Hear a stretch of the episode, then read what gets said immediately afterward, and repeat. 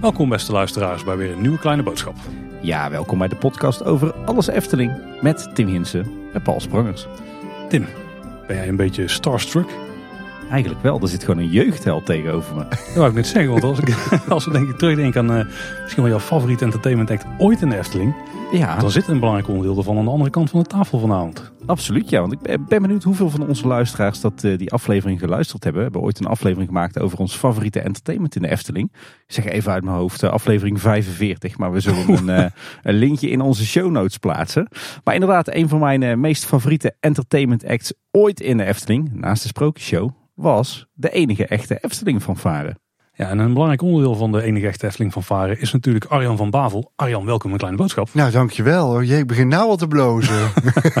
Ik dacht dat je Appie ging zeggen, eh, Paul. Appie? Ja, Ja, zo heet ik toen, ja. Ja, dat, was een, eh, de enige echte Efteling van Varen. Ik denk dat heel veel andere mensen in Nederland jou misschien kennen onder jouw eh, pseudoniem Atje. Of Ja. pseudoniem, of hoe noem je het dan? Karakter? Ja, ja, typetje karakter. Ja, god, wat is het? Maakt mij het uit. alter ja, ego. alter ego. ja, maar de- ja, dat is wel, ja. ja. Maar dat is allemaal eh, inmiddels best wel lang geleden. Eh, maar misschien voordat we daar allemaal terecht gaan komen, Arjan, kun je jezelf eens voorstellen? Wie ben je en wat doe je tegenwoordig? Oh, eh, ik ben Arjan van Bavel, 44. En eh, momenteel eh, tour ik met een voorstelling door het land. Dat vind ik hartstikke leuk. En daarnaast, dat is zeg maar mijn leuke job. En ander is ook leuk hoor, maar dat is meer mijn echte job, zeg ik altijd maar. Werk ik in de zorg, dus ja, als vaktherapeut, dramatherapeut.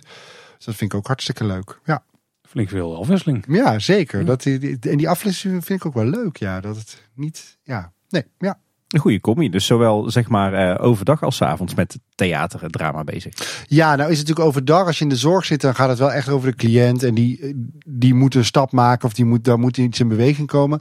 En s'avonds is het gewoon lekker, moeten de mensen lekker lachen, maken kluchten en comedies. En dat vind ik eh, ook hartstikke leuk. Die, die combinatie vind ik wel leuk. Dus, eh, ja, dus inhoud overdag en s'avonds gewoon een dikke vette pret. Ja. Kijk, Ja. hey, ik was net even aan het terugkijken. Ik zag dat ik eh, eh, ongeveer 20 jaar geleden groot fan was van de enige echte Efteling fanfare. Dus stiekem is dat alweer heel lang geleden.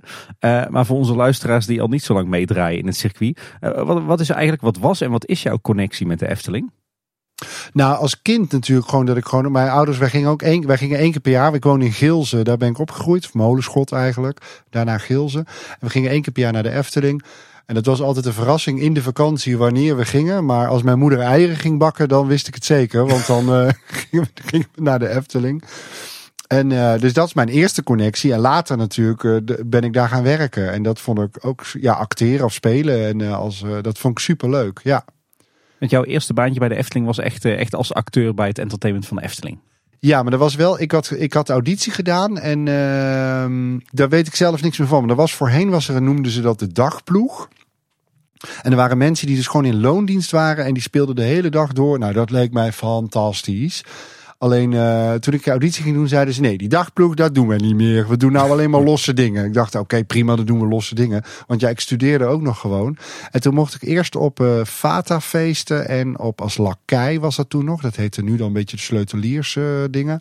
Maar als lakai. Wat was dat andere? Droomvluchtfeesten en Anton Pieckfeesten heb ik ook nog gespeeld. En, maar dat was vaak s'avonds. Eh in de, dus dan was het park dicht. eh, en om zes uur of om vijf uur, dat weet ik echt eigenlijk niet meer precies. En dan gingen om zes uur of zeven uur kwamen er allemaal nog groepen mensen. eh, en soms waren wel op zes of zeven plekken waren er nog feesten in het park. Dus het was hartstikke druk. En er was dan één of twee attracties waren dan open. Een uurtje of twee uurtjes. En de rest was gewoon buffet. En daartussendoor liep dan entertainment. En dan moest je echt, dat was repeteren en, eh en actjes hadden we dan bedacht. En dat vond ik allemaal hartstikke leuk om te doen. Maar hoe komt een jongen uit Geelze die één keer per jaar naar de Efteling gaat, hoe, komt hij nou terecht bij Efteling Entertainment? Wat, wat, wat deed jij nou beslissen om, eh, om daar auditie voor te doen? Ik had een brief geschreven aan Jos Brink, omdat ik dacht ik wil bekend worden of beroemd worden of ik wil acteur worden. En ik had echt Jos Brink Amsterdam en die had ik op de bus gegooid en ik dacht ja, ik zie wel of het die aankomt. En, maar die was echt aangekomen en, eh, en toen werd ik uitgenodigd eh, in eh, Breda, toen speel in Concordia, theater bestaat niet meer, nu is dat Sassé Theater. En zij hadden toen een revue of een soort musical revue.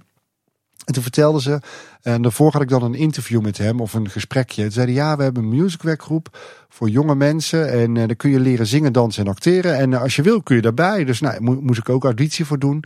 En eh, daar heb ik tot mijn achttiende bij gezeten. En dan mijn ouders, ja, die waren echt fantastisch en knettergek in principe. Maar die brachten mij twee keer in de week naar Amsterdam.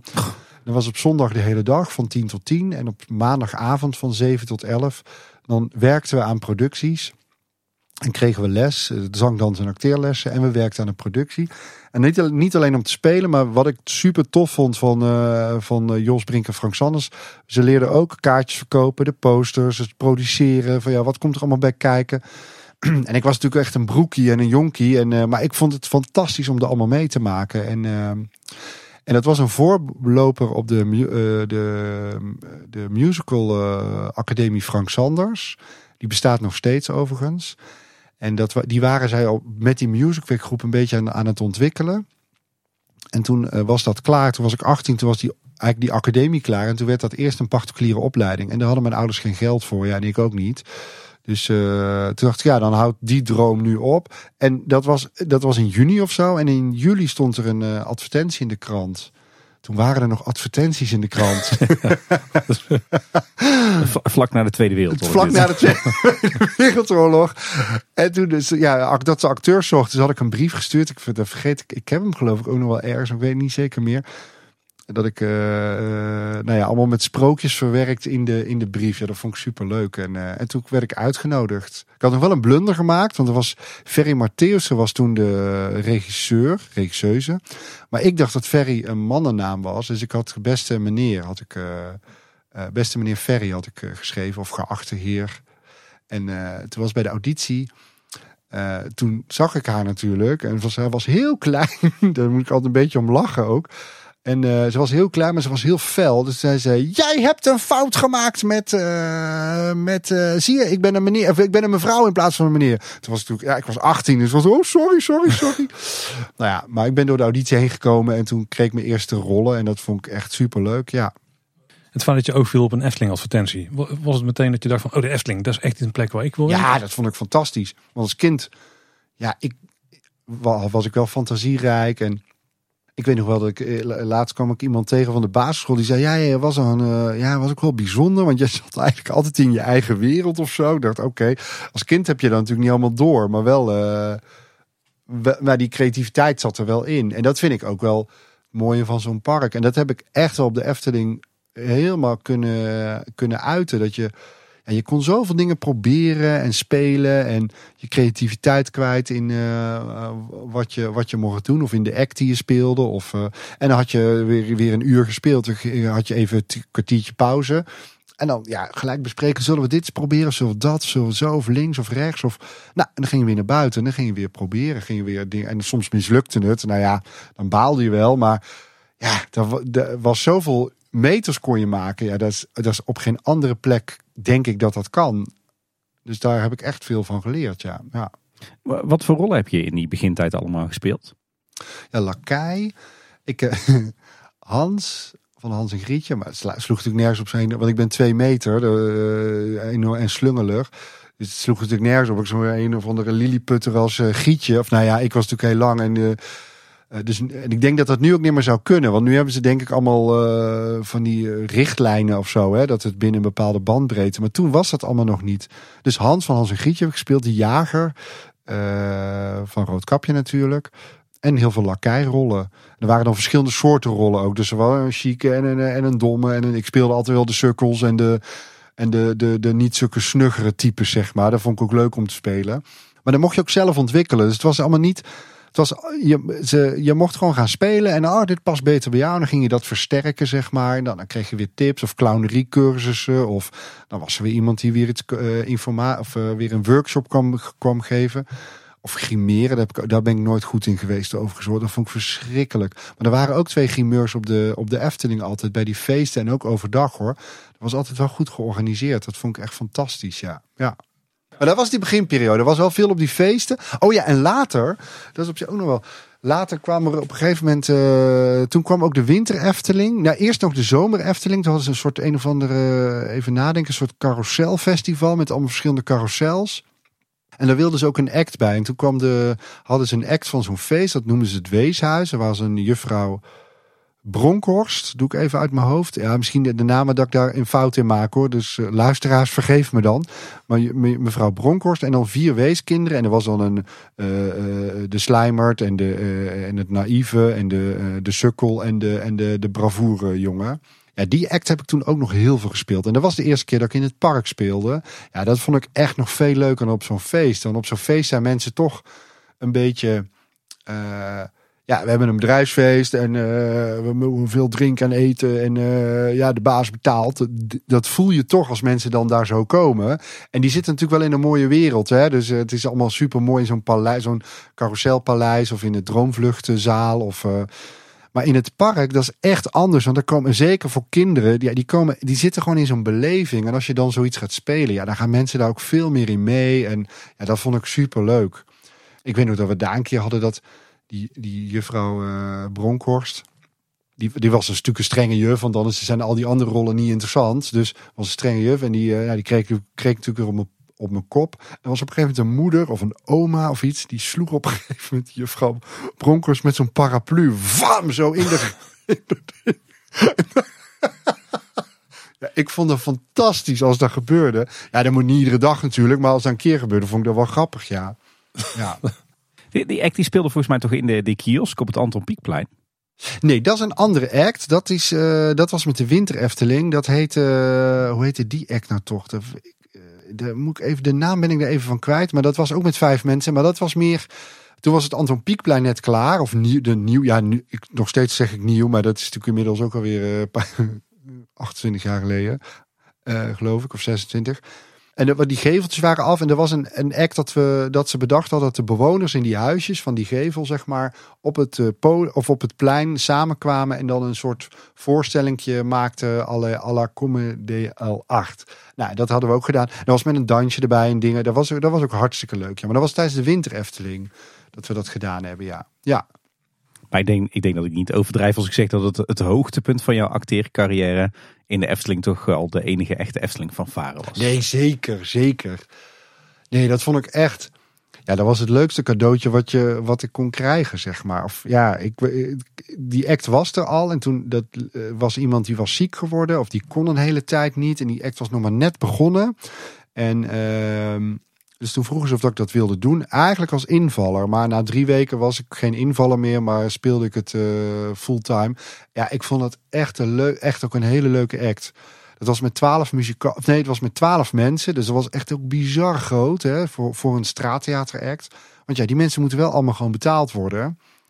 Eh dus was echt wel een dure act. Daar kregen we ook overigens altijd wel. De, de vreven ze er altijd wel in. Jullie zijn een hele dure act, hè? Dat jullie dat wel weten. Dat het een hele dure act is. Ja, ja, nou weten we het wel. Het klinkt als Efteling dit Ja. jaar. ja, ze waren ook altijd wel heel streng. Maar goed, er waren ook altijd wel heel streng. Want eh, wij moesten dan bijvoorbeeld om, nee, of om tien, half tien beginnen. Of om eh, tien uur. Ik weet het echt niet meer uit mijn hoofd. Om tien uur beginnen. Ja, soms begonnen we wel eens vijf over tien. Nou, dan kregen we echt te horen. Jullie moeten echt om tien uur beginnen. Daar hebben wij afgesproken. Tien uur en niet vijf over tien. Want eh, als wij, en dan gingen ze dan zeggen. Als wij al die minuten optellen bij elkaar. Is dat heel veel geld wat wij weggeven. ja, ja, ja, ja. Maar ze betaalden niet uit als wij ook nog een half uur doorspeelden. Dat deed ze niet. Maar daar moest je wel altijd een beetje om lachen. Want daar hoort er ook bij dat we gecontroleerd werden natuurlijk. Dus dat was ook een leuk spel. En, Maar die eh, act was echt superleuk, ja. En neem onze jonge luisteraars eens mee terug naar het jaar 2000. Want wat was die enige echte Efteling van Varen nou eigenlijk? Er waren twaalf mensen en er waren negen muzikanten. En van die negen muzikanten waren drie acteurs. Of nee, negen muzikanten en drie acteurs. 9, 10, 11, 12. Ja, klopt. ik moet even tellen. Maar er waren twaalf mensen. We hadden die muzikanten een beetje uitgezocht op uiterlijk. Dus er was een, eentje was heel dik en de andere had een lelijk gezicht. En eh, nou, ik was al heel lang en eh, eentje was een kleine smurf. En, eh, nou. en ze konden allemaal, waren allemaal conservatorium geschoolde muzikanten. En we liepen dan... ehm, eh, en er was een voorman, er was tambourmaitre. Dan had je daarachter een, iemand op bekkens. Dat was een acteur. Daarachter was op bekkens was, hoe heet het? Dat was CC heette die. Dat was ook een acteur. En ik was achteraan, er was ook een acteur dan. Of ja, ik vind mezelf dan acteur, laat ik het zo zeggen. Ik op de, ja niet triangel, maar op de, hoe noemen ze dat nou toch? Eh, lira. Lira. Met van die kwasten daaraan. wij zagen eruit als een fanfare en we liepen door het park. En, en eh, daar moet ik ook bij zeggen, destijds, maar ik weet niet of dat er nog steeds is, liepen er ook meerdere fanfares door het park. Dus er was op altijd op zaterdag en zondag waren er dan fanfares uitgenodigd. Die, die moesten dan drie rondes door het park lopen en dan mochten ze gratis het park in of zo. Ik weet niet precies. Dus mensen wisten ook nooit precies, is dit nou een serieuze fanfare of niet, of wel. En wij begonnen dan op het plein met eh, van nou, we zijn aangekomen en eh, nou ja, uitlijnen en al die suffe fanfare dingen. Een beetje man bij het hond gevoel kreeg je daarbij van. En er waren dan ook altijd ruzietjes in die fanfare. Dus wie had dan eh, de, de thermometer was de baas, meneer Verstappen was dat. En je had dan eh, CC. Dat vonden wij zelf heel grappig, want bij een e-mailtje eh, zet je ook CC. Er niemand snapte een grapje, maar dat vonden wij zelf heel leuk. En dan die was een soort aanhangsel van die, eh, van die eh, meneer Verstappen. En die, eh, nou, die waren met z'n tweede baas, maar die CC was echt een slijmbal. En ik was dan de sukkel. Ik maakte altijd fouten. Dus dan liepen ze bijvoorbeeld rechtdoor en dan ging ik rechtsaf. En ehm, eh, ik tingelde ook maar een beetje op dat ding. Ik kan ook echt geen instrument bespelen. Dus ik, het was ook altijd vals of hoog of het, het klopte niet. Ja, en dan, wat we er zochten dan mensen op. En dan gingen we daar obades voor brengen. Dat was de eerste drie setjes in de ochtend vooral. En dat kan, kan zijn een opa en een oma die eh, 50 jaar getrouwd waren. Of eh, een verjaardag of een vrijgezel. Of een eh, meisje wat eh, als roodkapje verkleed was. Dan gingen we daar roodkapje voor spelen. Ja, dat deden we. Het stelde eigenlijk echt helemaal niks voor. Maar door die interactie onderling en door de ja, flauwekul eh, was het hartstikke leuk om te doen. Maar mensen twijfelden altijd wel in het begin. Van, ja, is het nou, wat is dit nou? Is dit nou een fanfare of niet? Of wel? En eh, ja, dat vond ik altijd wel heel erg leuk. Ja, ja. En bij jou raakt het wel iets, Tim. Ja, nee, ja ik, ik wil bijna de, de vraag bij Arjan inleggen. Wat maakt nou dat deze act zo- zo'n enorm succes is geworden en dat dit ja, toch wel een beetje een cultstatus heeft? Ja, ik, ja, ik cult dat weet niet, maar wat, dat het toen destijds zo'n succes was, denk ik wel dat mensen verrast werden en dat ze eerst dachten, ja, wat is dit nou? Is het nou echt of niet echt? Of is het, wat moet ik hiervan denken? Want in de eerste instantie zag je ook mensen, oh, wat mooi van varen liedje. En dan gingen we ruzie maken, want dan kreeg ik weer op mijn mieter, omdat ik niet goed in de, in de rij stond. En dan dacht die mensen, doe even rustig. eh, dat is toch maar. En ik weet ook wel dat de Efteling brieven of mailtjes kreeg van... Och, wel leuk dat jullie jongens en meiden mee afstand op de arbeidsmarkt een kans gaven. Dat ging dan om. Ja, ik vond het heel grappig, ja. Dat was... ehm, Ja, maar ik denk dat, dat, het, dat mensen het niet zo goed wisten. Of was het nou echt of niet echt. En, ehm, en dat iedereen dat verenigingsleven, want het was, wij speelden een beetje al die verenigingsakten. Is de contributie wel betaald? En eh, waarom was jij te laat bij de bus? Weet je, al dat soort flauwe dingen. Ja, dat herkenden, daar herkenden mensen denk ik wel. Ook in hun dagelijks leven. Ja, dat is weer zo'n zeikert die loopt te zeuren dat de contributie niet betaald is van de. En of dat het dan de harmonie is of de fanfare. Dat kan natuurlijk ook bij de scouting en bij de. eh, bij andere verenigingen zijn. Ja. En ik denk wat ook wel, wel meespeelt. Jullie, eh, als je als Efteling-fan vaker bij jullie stond, dan ging je op een gegeven moment ook wel merken dat jullie dat er van die terugkerende grapjes waren, Ja. maar dat er ook een bepaalde ontwikkeling in zat en dat jullie af en toe zelf ook een beetje in de slappe lach Nou, schoten. Enorm. Ik schoot heel vaak in de lach. En dat was ook een beetje de truc dat we elkaar een beetje wilden ja, teasen of zo. Of een beetje. Ja, ik vond het leuk om meneer Verstappen te laten lachen. Want die had natuurlijk een grafkop erop staan, die lachte nooit. Maar als hij dan wel moest lachen, ja, dan voelde je ook bij zo'n publiek ook wel van... oh ja, dit, is, oh, dit hoort er niet bij. Of, eh, en we konden echt, daar moet ik de Efteling meegeven. Ik weet niet, dat zal nu nimmer zijn. Maar wij mochten improviseren wat we wilden. En eh, kregen er ook wel eens commentaar op hoor. Dan hadden we weer een grap over... eh, even kijken, wat was het nou? Hadden we een grap over putlucht. Toen zeiden we heel vaak putlucht. Wat natuurlijk, ja, dat kun je natuurlijk ook anders in interpreteren. Ja, dat mocht dan niet. Maar voor de rest werden wij nergens belemmerd in, eh, eh, in wat we wel of niet mochten. Ja, dat vond ik super leuk. Vroeger had je van die fonteinen met. Of is dat er nog steeds met die fonteintjes, met die boogjes? Ja, die zijn er nog steeds, hè? Ja. Ik weet niet dat wij een keer daar dwars doorheen zijn gelopen. Ja, dat vond ik super grappig dat we dat deden. Maar dat hadden we dan bij de koffiepauze bedacht. Zullen we dat een keer doen? Wel, ja, dat doen we een keer. Dan liepen we dwars door, die, door dat ding heen. Ja, dat vond ik door die vijver heen. Ja, daar waren ze ook niet heel blij mee. Maar dat vond ik wel grappig. Want dan moesten ze dat weer helemaal opnieuw afstellen. Ik weet het allemaal niet precies. Ja, dat vond ik wel leuk. Ja.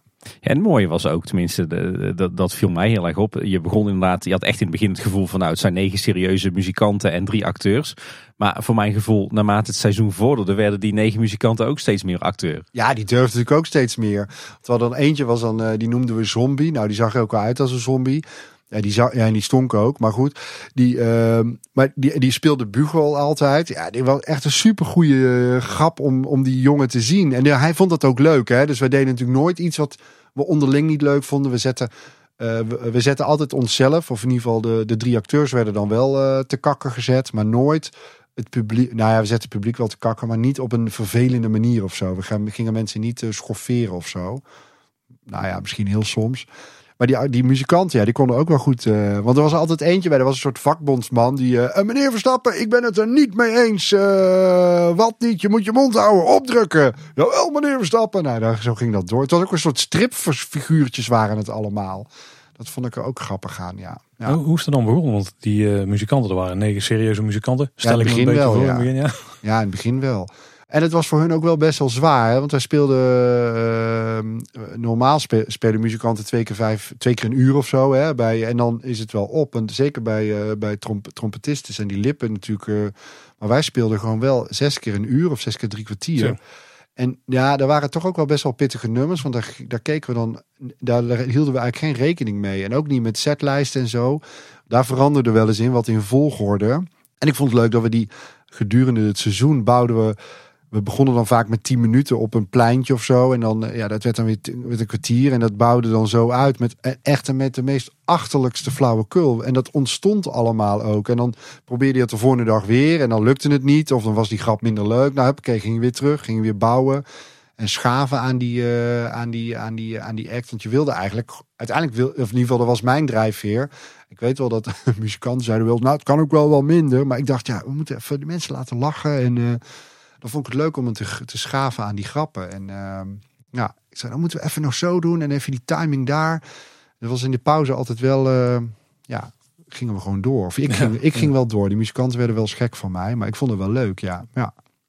Ja, je vertelde net dat jullie eh, zes acts per dag eh, hadden. Ja. Ik moet bekennen dat ik me er ook wel schuldig aan heb gemaakt om, bij, om alle zes de acts op één dag te, te kijken. Ja, ik herken jou natuurlijk ook wel. Ja. Maar zo, zo waren er vele. Jullie hadden een eh, Zeker, behoorlijke grote zeker. fanbase. En dat was ook hartstikke leuk. Ja, maar die, die, die, de, de drie eerste acts van de dag die waren volgens mij altijd een beetje op het uh, Dwarrelplein, Pardoespromenade en, en de Brink, zo heette dat toen nog. Maar de andere drie acts van de dag, eh, dat varieerde hè, gedurende die jaren. Jullie begonnen volgens mij het, het eerste paar jaar in het Anderrijk. Anderrijk en daarna op Reizenrijk hebben we ook altijd gestaan. Eh, en we hebben ook op. ehm, we hebben alleen nooit op. Op het Ruigrijk hebben we ook gestaan trouwens. En wat ik, maar wat ik hoorde, maar daar weet ik niet zeker of dat dat zo is. Maar ik weet dat die, eh, dat park is dan een beetje zo vier delen. Dat die, man, die rijke managers, toen heette dat geloof ik nog zo. Ik weet niet of dat nog steeds zo is. Ma- maakt het niet uit.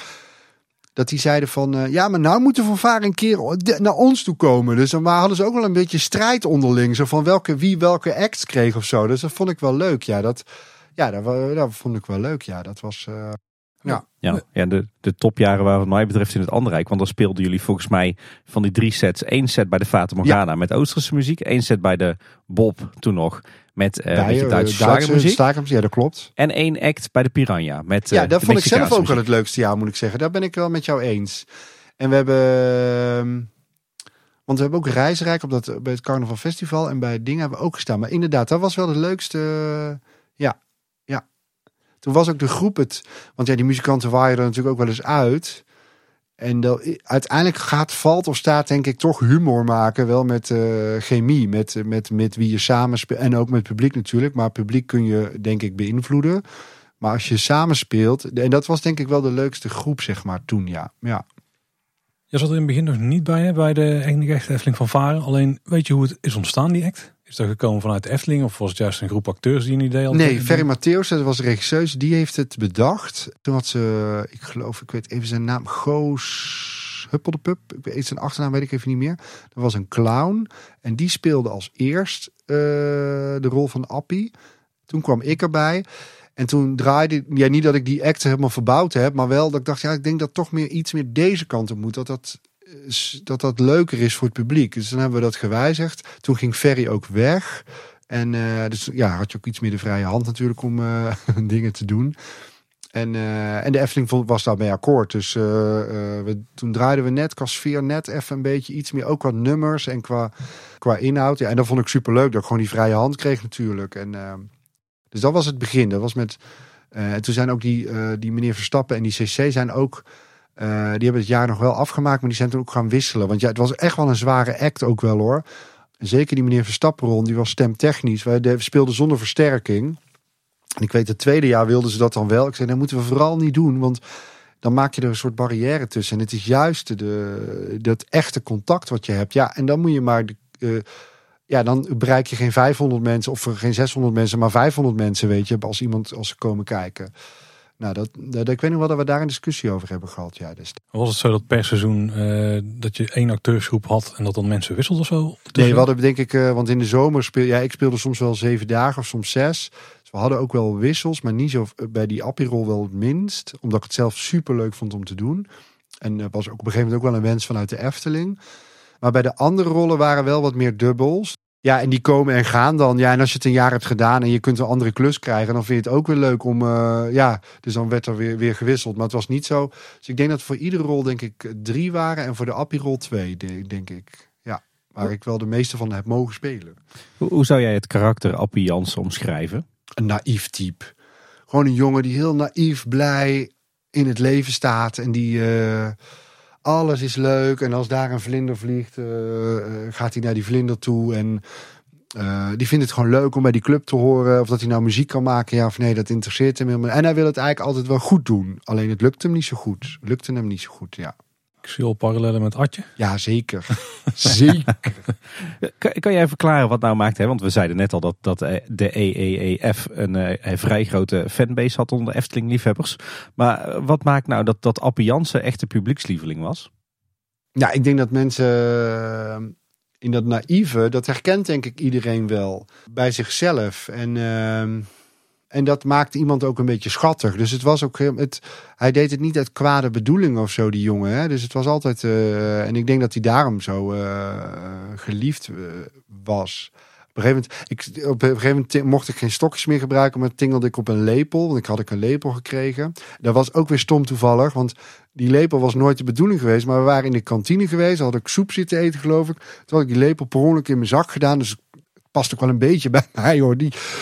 En toen dacht ik, en toen was ik dat stokje vergeten. Dus ik stond ook één keer zo met een lepel te tingelen. Wat natuurlijk best wel grappig is. Ik dacht, oh, dat kunnen we er eigenlijk wel inhouden. En toen werd, hij, werd, ontstond er gelijk met die meneer Verstappen. Wat heb jij nou bij? Ja, een lepel, meneer Verstappen, sorry.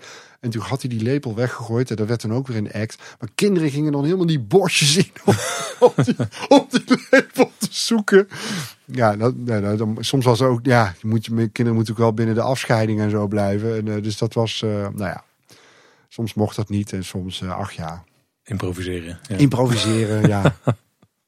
Da- Daarover gesproken, denk jij dat, dat deze act, de EEF en eh, het karakter Appie Jansen, dat die tegenwoordig nog zouden kunnen bestaan in de, in de Efteling van nu bijvoorbeeld? Nee, dat denk ik niet. Ik weet dat een paar jaar geleden is er nog eens een keer een vraag gesteld. Of dat we het nog een keer zouden willen doen. Maar toen heb ik ook wel nee gezegd. Omdat ik dacht.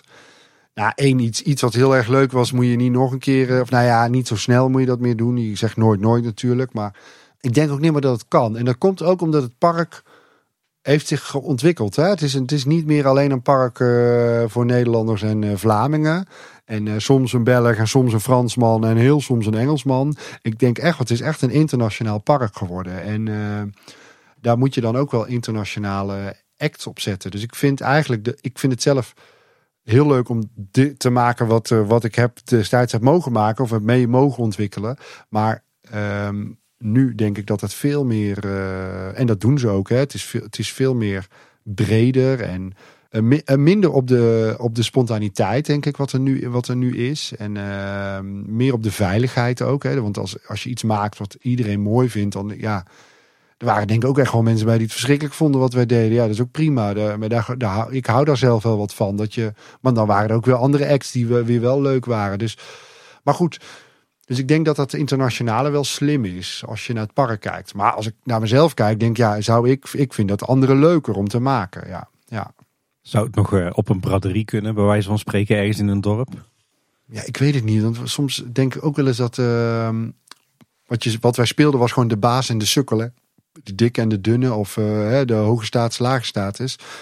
En soms denk ik wel eens, ja, de, daar, dat kan niet meer. Maar nou ja, ik denk dat het altijd wel kan. Tim, jij kaatst net de vraag wel even af. Wat vond jij nou zo mooi aan de enige echte Efteling van Varen? Waarom was het voor jou zo'n zo'n magische act? Ja, ik, ik denk dat het toch. eh, ik denk juist dat het improviseren was. Geen enkele show was, was hetzelfde. Nee, dat klopt. Du- Dus dat, dat maakte dat het een enorme herhaalwaarde had. Eh, het was acteren en muziek. Want ik moet zeggen, zeker de jaren dat jullie bij Fata, Bob en Piranha speelden, speelden jullie ook echt fantastische nummers. Vaak Ja. wel klassiekers. Ja. Van, van heel erg klassiek naar, naar heel erg modern. Maar het, het, het had ook altijd wel wat eh, in thema. Dus muzikaal was het ook super interessant en lag de kwaliteit ook hoog. Ehm, en je bouwde op een gegeven moment ook wel een band op met de verschillende figuren. Want het, het, het werden echt karakters met een, een, een denk ik onbedoeld, een storyline. Met, het had allemaal met elkaar te maken. Er werd steeds meer bij verzonnen.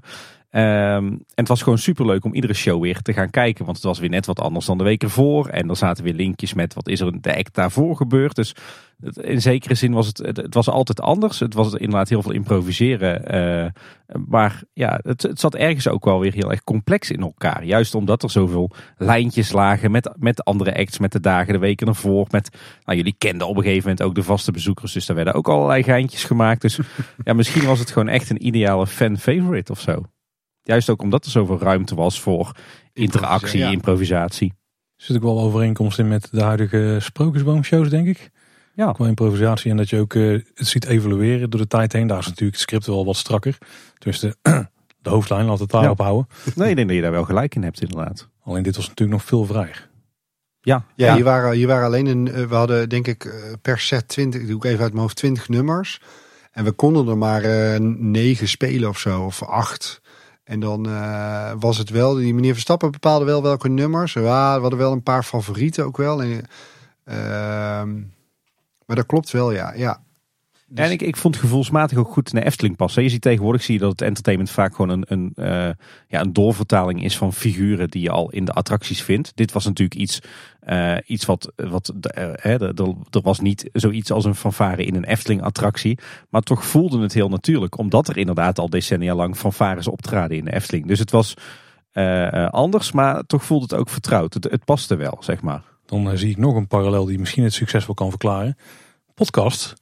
Want heb je ook eh, dat, eh, dat je naar een groep mensen luistert die presenteren iets aan jou. En daar heb je ook allemaal van, je bouwt ook een hoop historie op door de tijd heen. Je hebt allemaal in-jokes en allemaal eh, referenties die alleen maar mensen die regelmatig komen ook snappen. En maar je wil ook weer toegankelijk zijn voor, eh, voor een grotere groep. Er zit ook nog iets in, Tim. Gewoon, je gaat wel heel diep nu. Ja, eh, nu kan het. Nu hebben we het moment te analyseren. Dat doen we ook. Ja, hey, nu we toch heel diep gaan. Arjan, hoe, hoe kijk jij terug op die, die vier jaar dat je Appie Jans hebt gespeeld? Ja, ik vond het superleuk. En ik heb daar zoveel kunnen improviseren en kunnen leren. Dat heb ik allemaal meegenomen in de, de, de tijd daarna, zeg maar. Dus dat, ja, ik heb daar echt een toptijd gehad. Ja. Ja. Ho- hoogtepunt van je carrière? Oeh. Nee, nee, dat is denk ik toch wel Atje. Ja. Ja. Ja.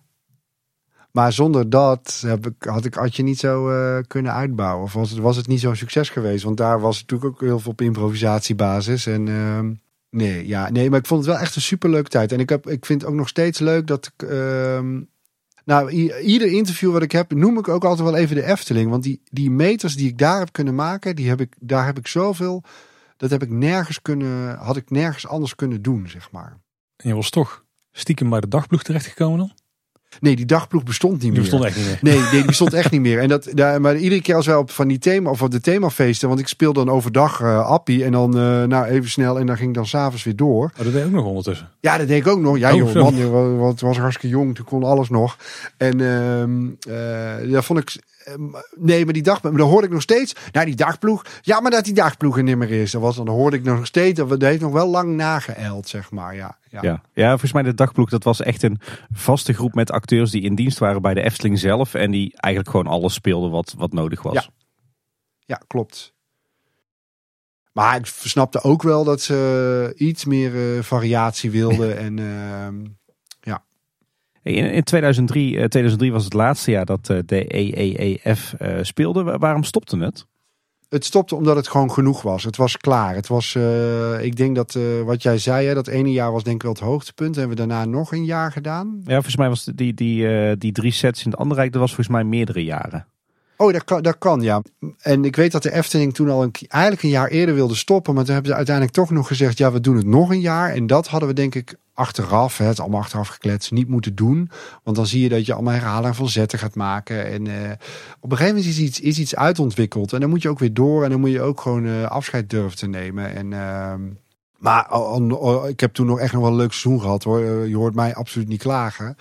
Maar we hadden inderdaad wel. eh, ik moet, moet ik wel zeggen dat de Efteling zelf ook wel verbaasd was. En ik overigens ook wel hoor. Wat mensen allemaal wel niet opstuurden. En aan cadeautjes en eh, toestanden en taarten. En, eh, maar ook van die geborduurde. Ik heb, en ik heb toch sommige dingen heb ik nog. Van die geborduurde. Ja, had iemand geborduurd iets of een knuffel gemaakt. En dat, en dat was niet één keer in het seizoen, maar dat was gewoon echt bijna wel iedere week of zo. Daar was ik wel verbaasd over dat mensen zo, ja, zo betrokken waren. En dat vond ik ook wel heel erg leuk, ja. ja. Maar echt wel bijzonder, ja. Want het was, ja, het was maar gewoon een Efteling act, hè. Raakt toch Maar wel een hele dure, zei de Efteling altijd. Dat is heel duur. Maar wel eentje waar je ook een mooie band mee op kon bouwen als, eh, als fan. Maar eh, de enige echte Efteling fanfare is niet, eh, niet volledig verdwenen. Hè? Want de fanfare is heden ten dagen nog steeds in de Efteling te vinden. Ja, dat klopt, ja. Ja, dat is. Nou ja, ik wist het zelf eigenlijk niet hoor. Maar ik had. ehm, ik denk dat ik een paar jaar geleden of zo. kreeg ik een eh, appje. van eh, Patrick van der Nieuwenhuizen. Die is vormgever. Of ontwerp. Ja, vormgever bij de Efteling. En die zei. eh, ja, we hebben iets in het. je moet. De volgende keer als je er bent. moet je eens kijken bij. in de dioramahal. Nou ja. Ik sla die bijna eigenlijk altijd over. Want ik denk, ja, nou, die treintjes, ik geloof het wel. ehm, eh, maar goed, ik dacht, nou ga ik toch eens kijken. Kijk, kijk. Ik zag natuurlijk niks, dus ik appte hem terug. Nou ja, ik zie niks. Nee, je moet daar en daar. Het foto waar ik moest kijken. En inderdaad, in de dioramahal, in het donker, nou niet in het donkere stuk, maar bij de kermis of zo, ergens in de buurt. Dan zie je zo'n fanfaretje, zie je. Maar dan zie je het achterste poppetje. Die, hebben, die heeft dan van die witte sokjes. eh, dat had hij dan geschilderd. Ja, dat vond ik wel super kicken. Ja, dat vind ik super tof. Ja, ja. En toen, eh, en dat had hij dan gemaakt. Ja, dat vond ik ook super tof. Ja, dat hij dat. eh, Die hebben wij tijdens onze tour niet aangehaald, volgens mij, Tim. Volgens mij wel hoor. Ja? Ja, ja, ja zeker wel. heb ik... En de grap is dat ik nu met mijn neefjes ga ik ieder jaar of twee keer per jaar gaan we naar de Efteling. En ieder jaar moeten zij, want ze zijn, nou, ze zijn nu wat ouder.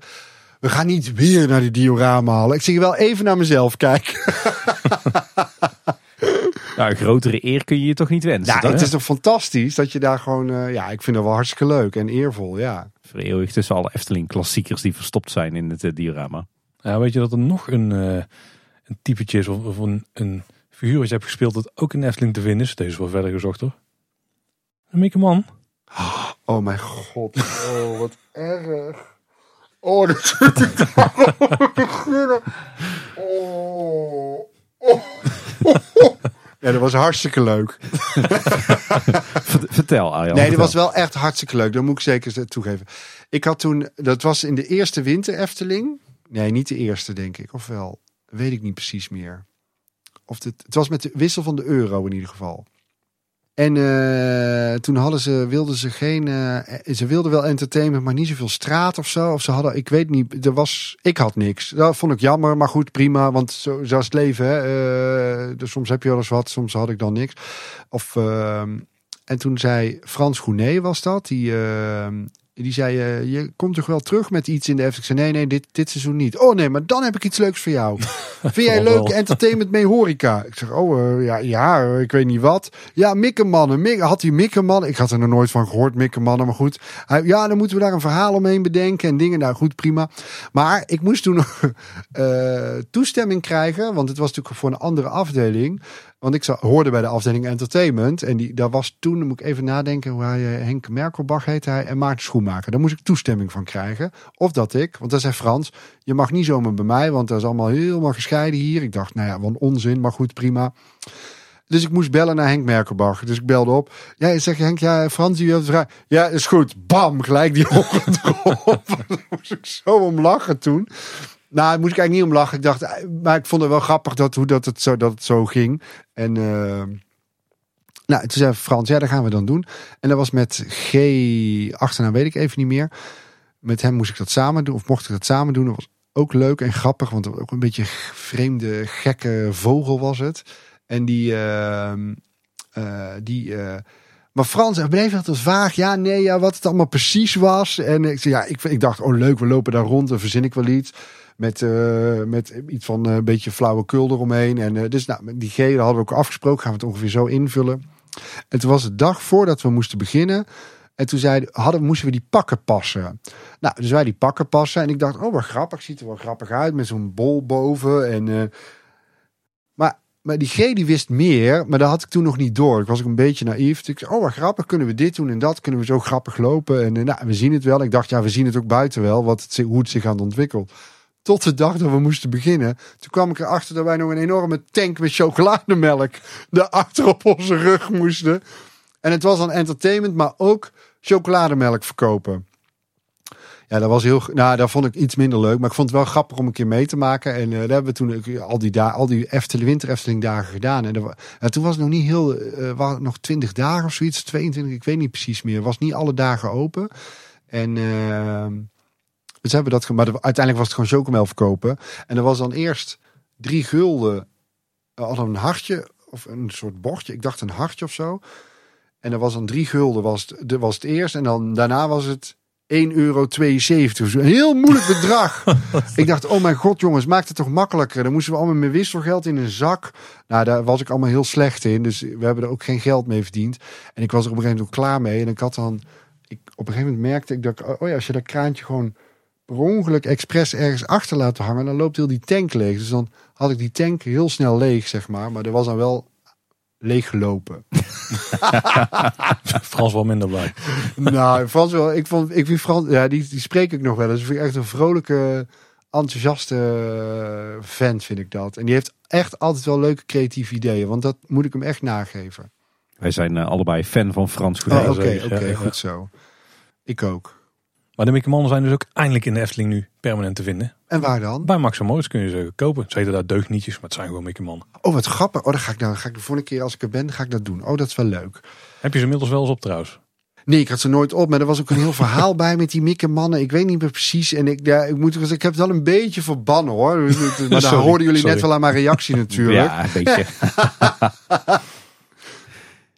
er staat mij ook nog iets van bij dat jij zelfs een, eh, een eigen parkeerplek had in, eh, in de Efteling. Oh. Jullie weten, is zo gênant. Ja, dat klopt wel, ja. Maar dat was eigenlijk meer een grapje met Olaf en met, ik weet niet meer wie er toen nog meer. Er was nog een man, ik weet even zijn naam niet meer.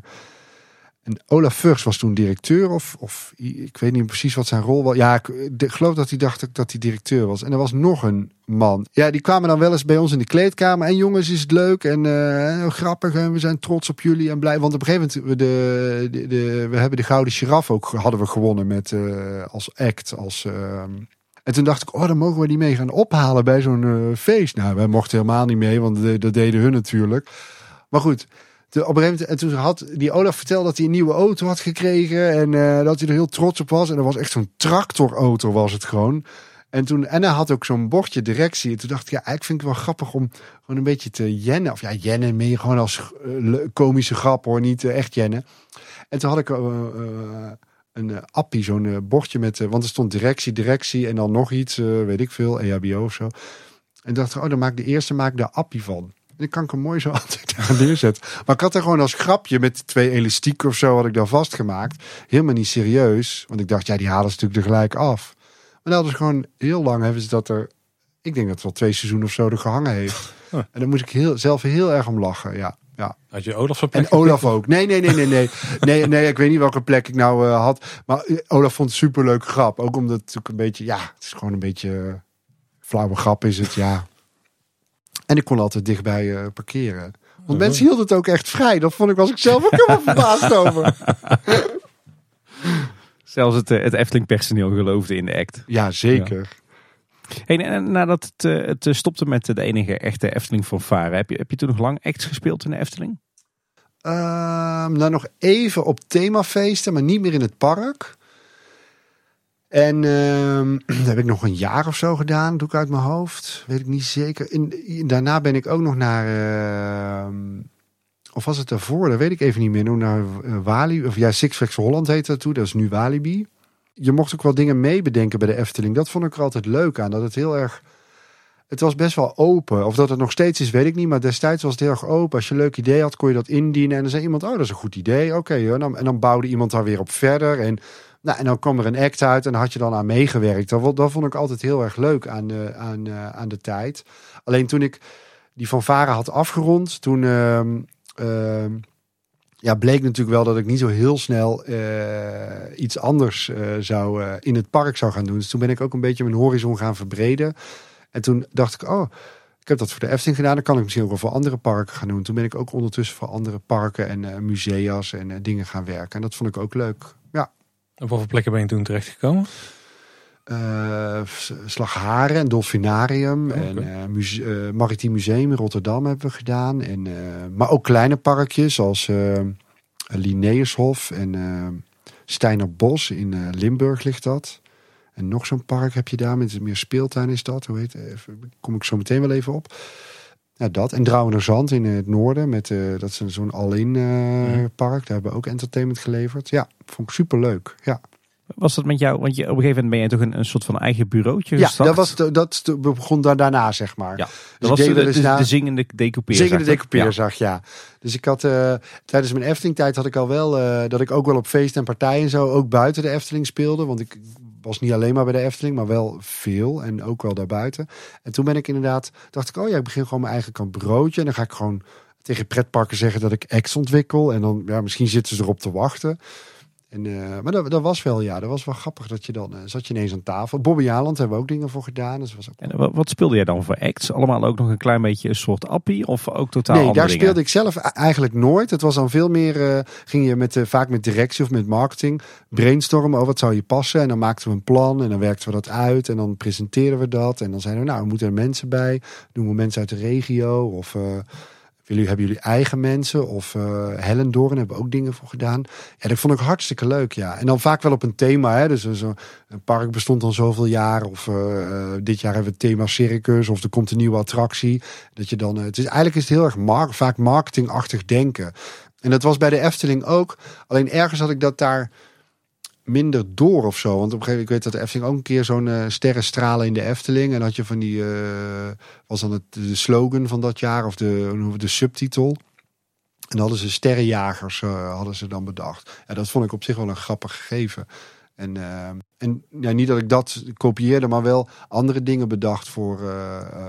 voor ik weet dat Hellendoorn had op een gegeven moment een circus thema en, en met een nieuwe attractieachtig circus achter. Dan hadden we circusfamilie die dan allemaal acts, maar wel een beetje met humor, altijd wel met. Uh, dat vond ik dan altijd wel leuk. En ik vond het ook altijd wel leuk om te uh, dingen te bedenken die dan net dat mensen twijfelden of zo, of dat het echt was of niet echt. Maar de meeste parken wilden dat niet, want die wilden gewoon ja, want mensen moeten wel zien dat we entertainment hebben. Dus dat was ja. Het zaadje voor die eigen onderneming is misschien wel een beetje geplant in die periode dat je bij Jos Brink, ja ik wou Frank Lammers zeggen. Frank Sanders. Frank Sanders, ja. dat je daar rondliep. Want je vertelde net dat je veel meer daar uh, hebt geleerd dan alleen maar het acteerstuk. Ja, zeker. Zeker. Het produceren heb ik daar ook zeker geleerd. Maar ik vind ook wel bij de Efteling. Want ik vond wel, uh, natuurlijk hadden ze daar kostuumatelier. En met alle respect, hè, de, uh, ze zeiden wel dat het heel duur was. En die act was ook echt heel prijzig. Alleen ehm, ze deden het allemaal wel. Hè. Ze, uh, ze gaven er wel gewoon goed. Ze, ze ontwikkelden het wel goed. En dat doen ze natuurlijk nog steeds. Ja, en dat zie je bij andere parken, dat die budgetten gewoon allemaal veel kleiner zijn. Dus uh, mensen zeuren soms wel dat het Eftelingkaartje heel duur is. Maar denk, ja, daar krijg je ook echt hele mooie dingen voor terug. En, uh, en als je dan in vergelijking kijkt, denk ik dat die, dat kaartje niet mega veel meer duurder is dan, dan andere parken. En dan denk krijg je kwalitatief toch wel een beter product. Voordat we doorgaan naar de dingen die je dus na de Efteling hebt gedaan of buiten de Efteling. Begrepen dat er ook nog een linkje is met de Vliegende Hollander. Ja, dat klopt ja. Ja, dat was toen ik. Dus ik ging eerst voor andere parken uh, dingen ontwikkelen. En toen zei de Efteling: Ja, maar we willen ook een keer met jou praten. Want uh, er komt een nieuwe attractie, de Vliegende Hollander. En daar moet ook een act bij. En kun jij, wil jij die ontwikkelen? En toen was ik net bekend, was ik net op televisie. Dus ik dacht: Nou, dat vind ik wel leuk. Want ik heb daar natuurlijk gewerkt. En een goede band. En la, la, la.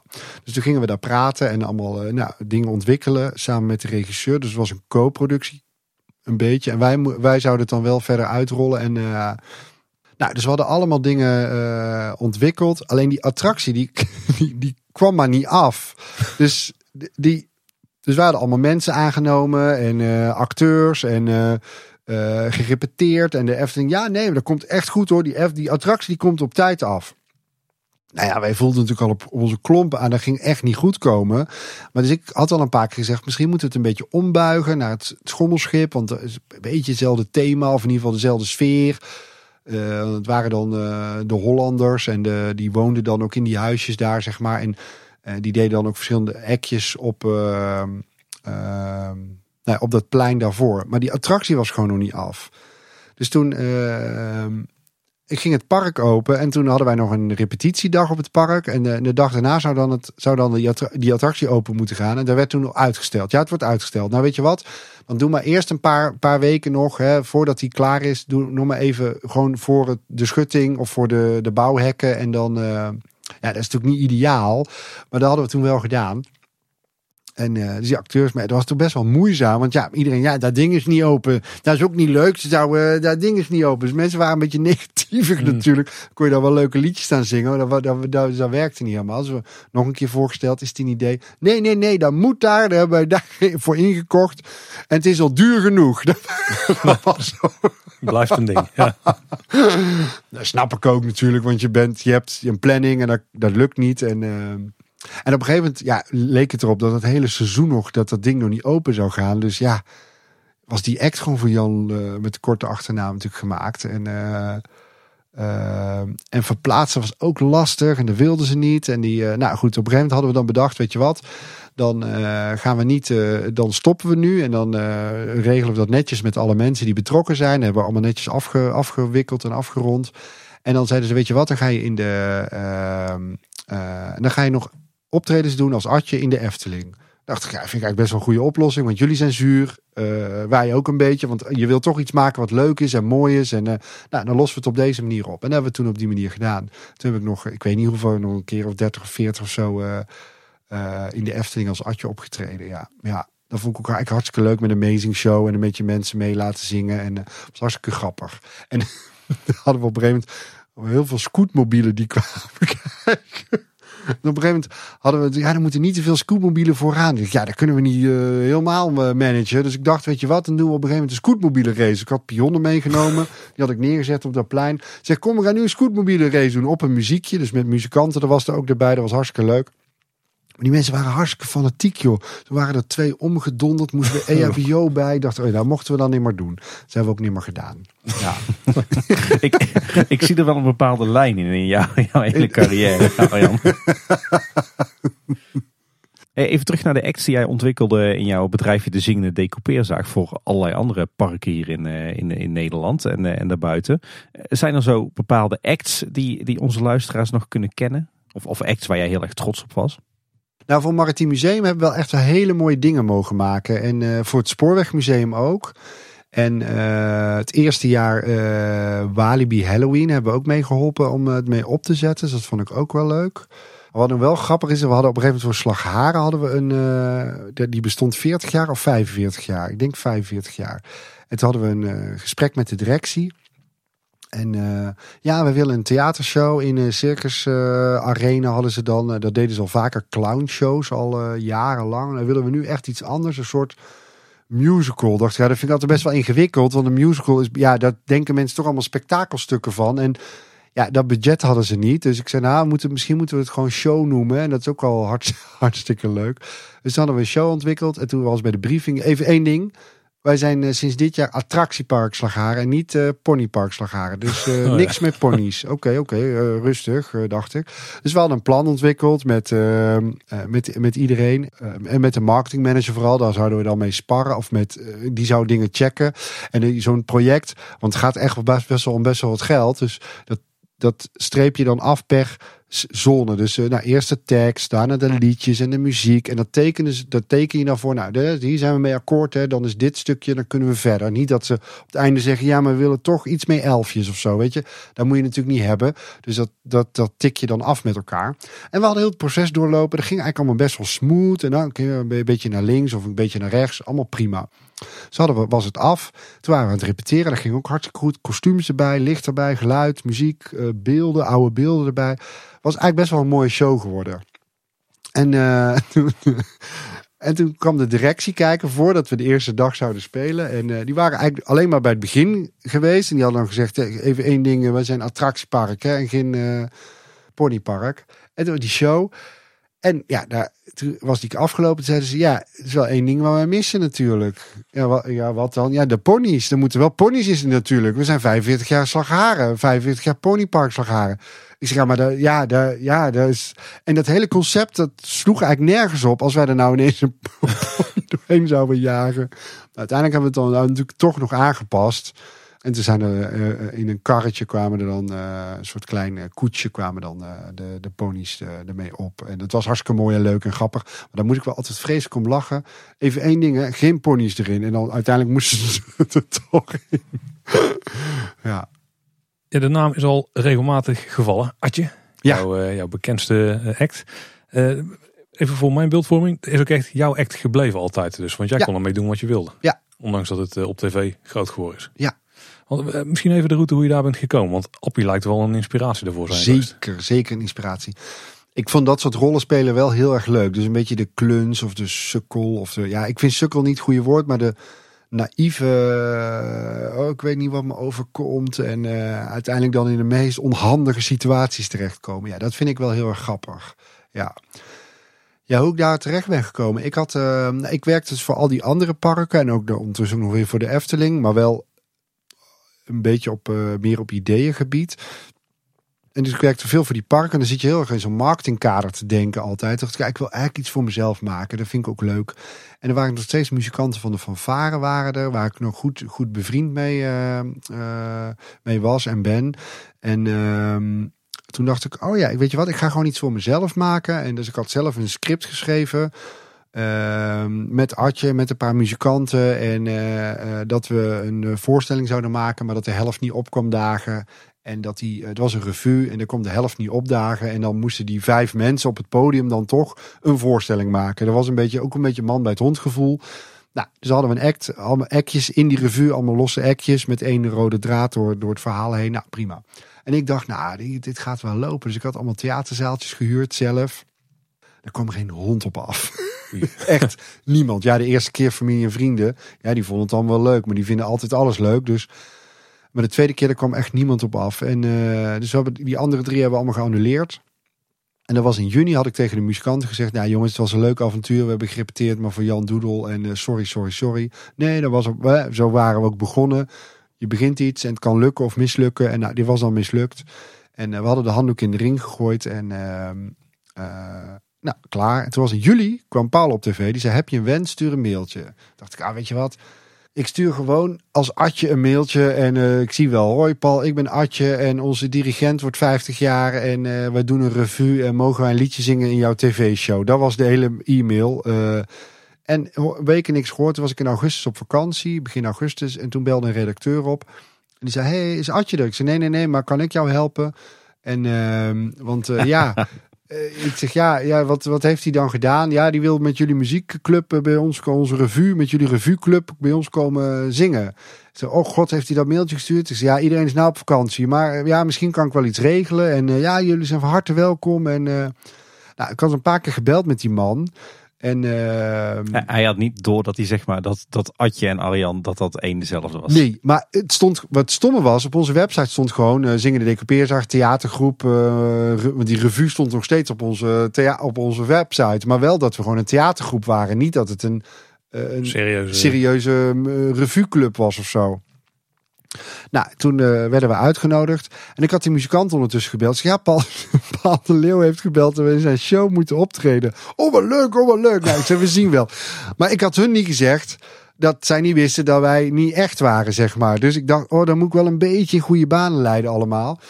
En er stond in die uitnodiging, je moet verkleed binnenkomen, want je kunt hier niet allemaal niet omkleden. Want er waren toen wensmensen en nog gasten. En wij waren wensmensen op dat moment.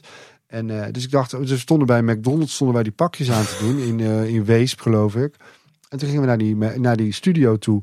En als je met die pakjes al aan hebt, dan ben je toch al een beetje baldadig met elkaar. Dus dat was op zich allemaal goed hoor. En toen kwam die, uh, die man waar ik dus al die weken mee gebeld had. Of weken, ik denk dat ik drie keer gebeld had met hem. Is Arjan er ook? Ik zeg, nee, nee, die is er niet. We gingen als Adje antwoord natuurlijk. En die, ja, die dacht dus dat het allemaal... Uh, ja, daar moest ik vreselijk hard om lachen. Dat hij er gewoon intuinde.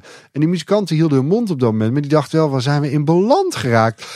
Maar ik durfde op een gegeven moment ook niet meer te zeggen aan de telefoon natuurlijk tegen die man van ja, het is een, het is een grapje, het is een act. Dus dat durfde ik eigenlijk niet meer te zeggen. Maar ik durfde het ook niet te zeggen toen ik daar binnen stond. Dus ik dacht, ja, dus die, die, man liep weer weg. En toen zeiden die muzikanten, wat heb je nou geflikt en dit kun je niet maken. Ik zei ja, bek houden zei ik tegen hun. We zien wel waar het schip strandt. Dus gelukkig luisterden ze.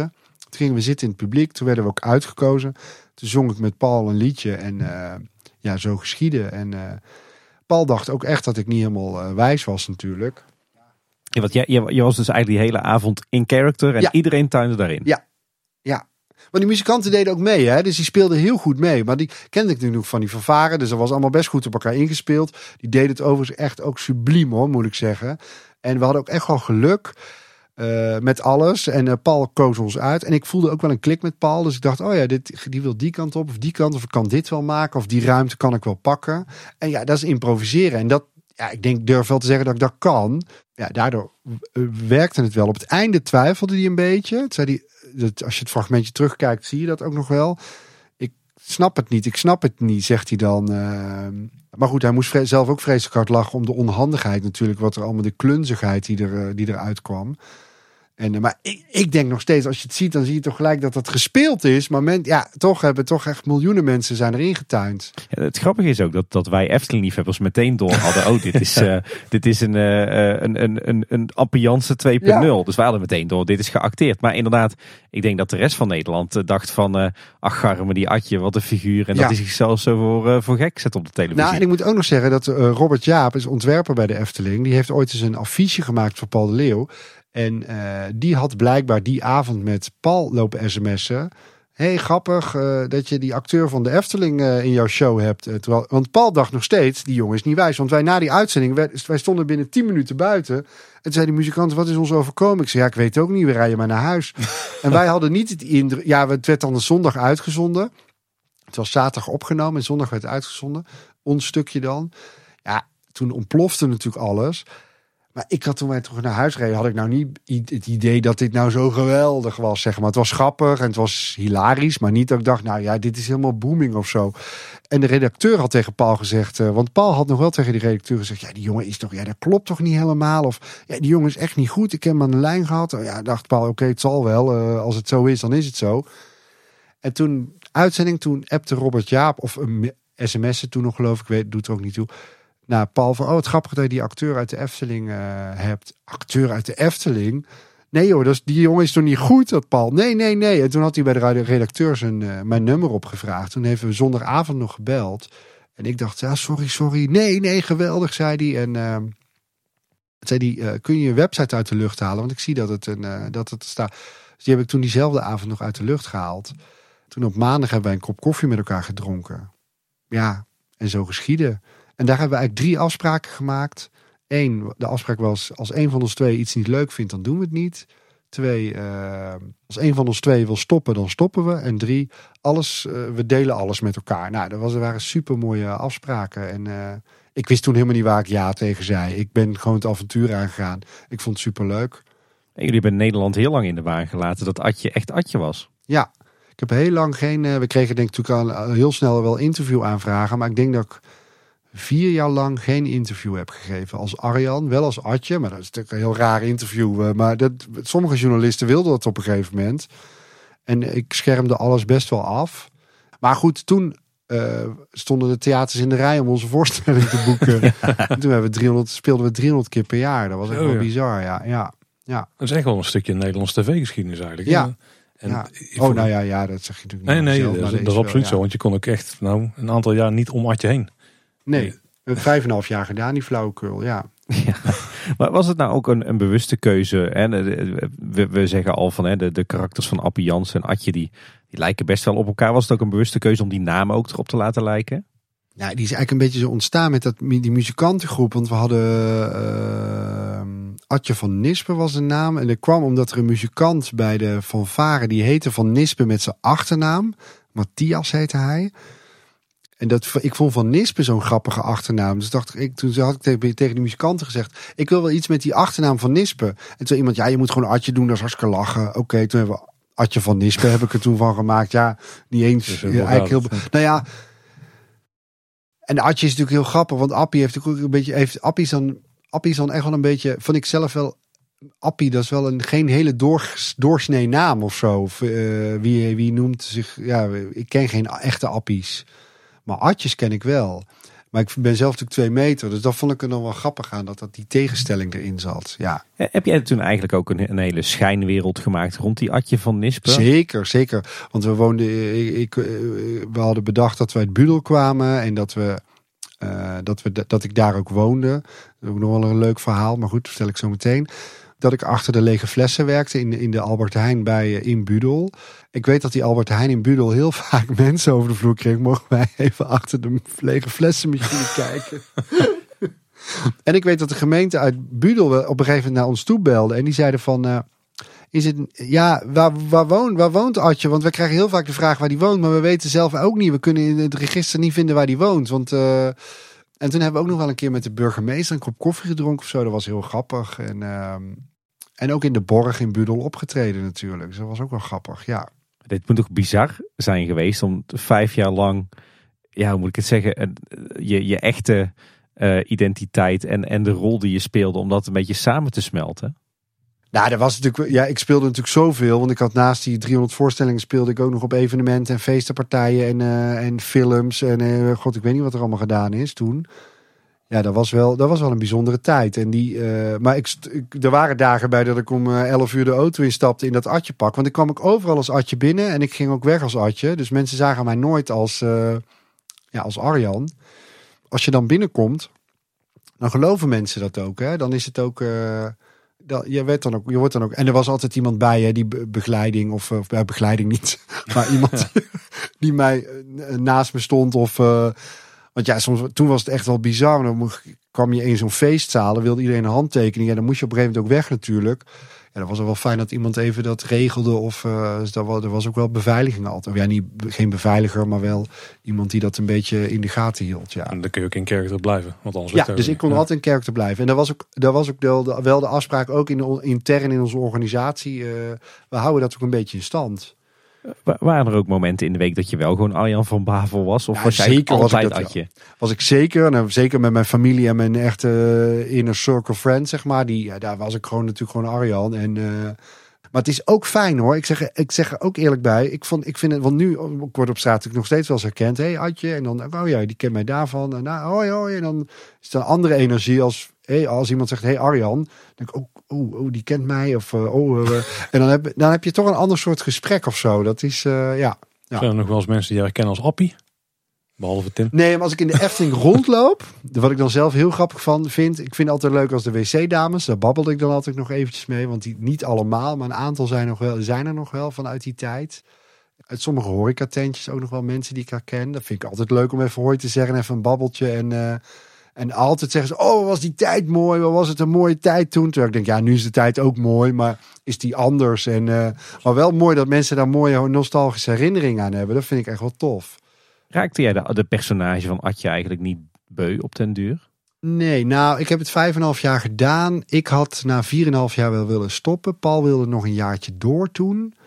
Hebben we ook gedaan. En dat is ook helemaal prima geweest. Hè? Dat is, eh, dat is, uh, maar ook daarin zag je weer van je gaat toch dingen herhalen. En, uh, en het was ook, het moment was geweest. Dus ehm, we hadden in de hoogtijdagen iets van 3,8 miljoen kijkers. Zo. Echt bizar. Dat, uh, nou, dat was de hoogste, zo moet ik wel. En de drie, rond de drie zaten wij meestal. Dat is nog steeds heel Dat is nog steeds heel veel. En, uh, en dat laatste jaar zag je ons wel terugzakken naar uh, 2,8, 2,5. nog steeds heel veel. nog steeds heel veel, ja. Maar toen, da, dan, maar dan zie je wel dat het minder wordt, zeg maar. Hè? En, dan, uh, ik heb, en ik vind het wel fijn dat mensen ook over die fanfare nog steeds heel positief zijn.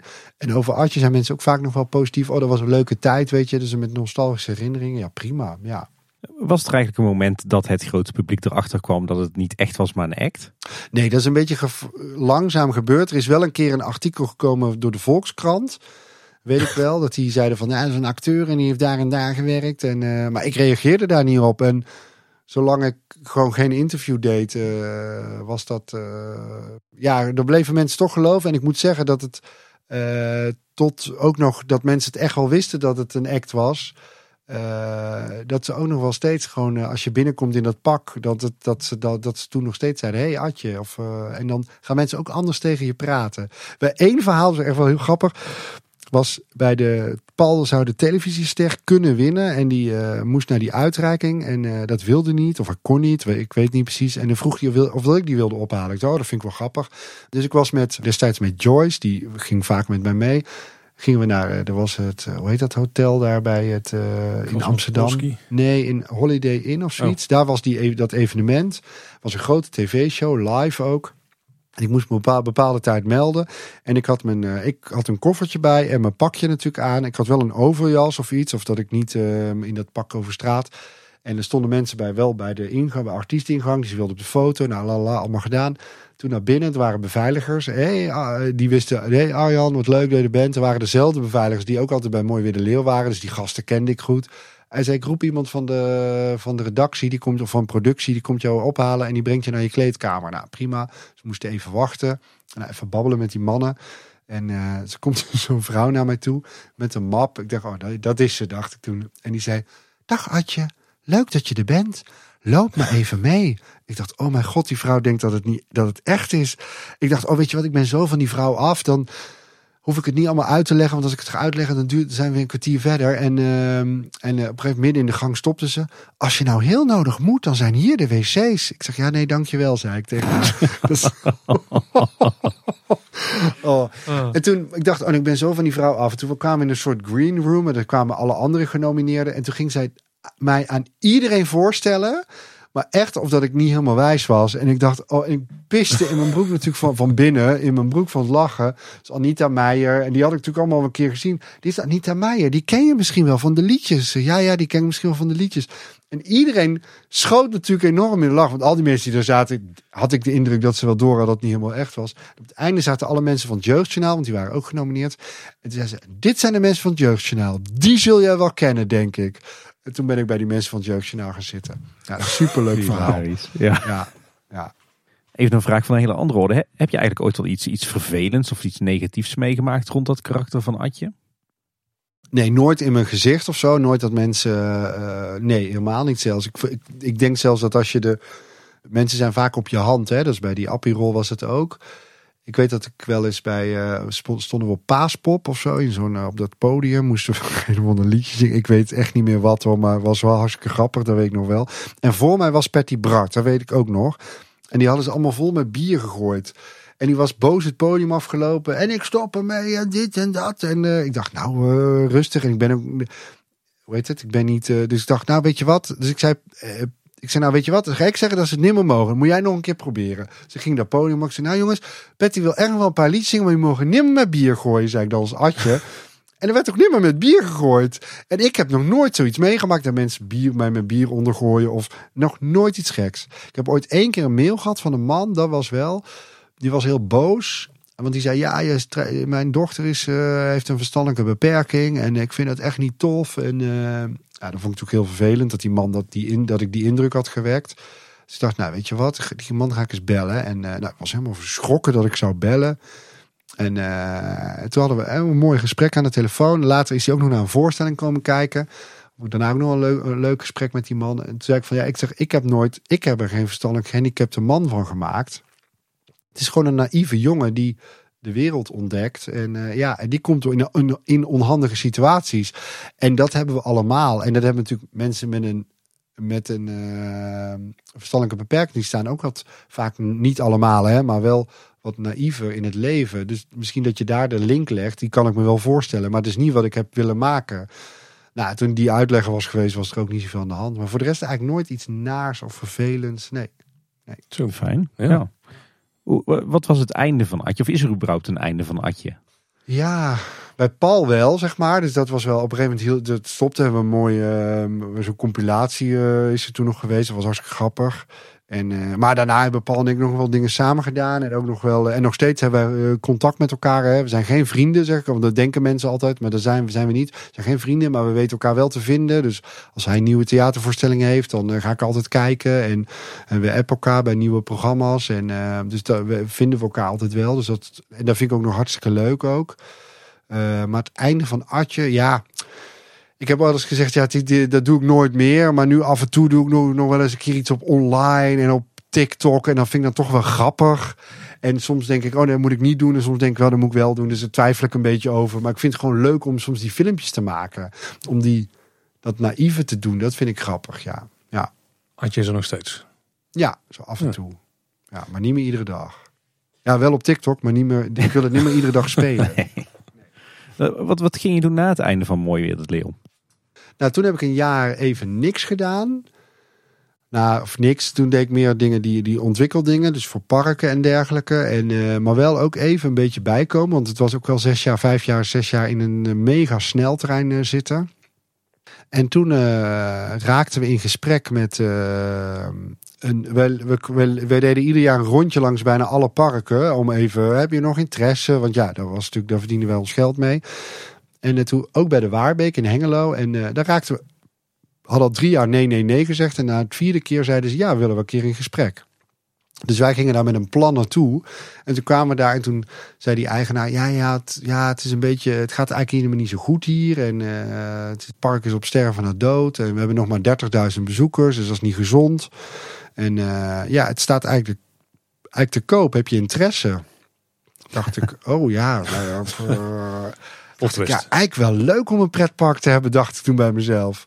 Dus toen uh, reed ik terug naar Tilburg in de auto. Dacht ja, zou ik dat leuk vinden? Ja, dat zou ik eigenlijk wel leuk vinden. Kan ik mijn creativiteit in kwijt? Kan ik entertainment in kwijt? Kan ik ja, dingen proberen? Marketing, uh, dat vind ik ook leuk.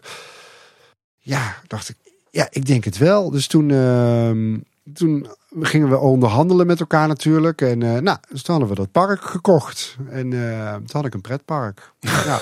Zo even. Even, ja. Het was zo'n klein parkje. Dan moet je niet denken aan... Uh, voor de mensen die het niet kennen. Je moet echt niet denken aan een Efteling of een Toverland. Helemaal niet zelfs. Je moet Juliana-torenachtig denken. En dan naar de helft of zelfs een derde daarvan, zeg maar. Ja.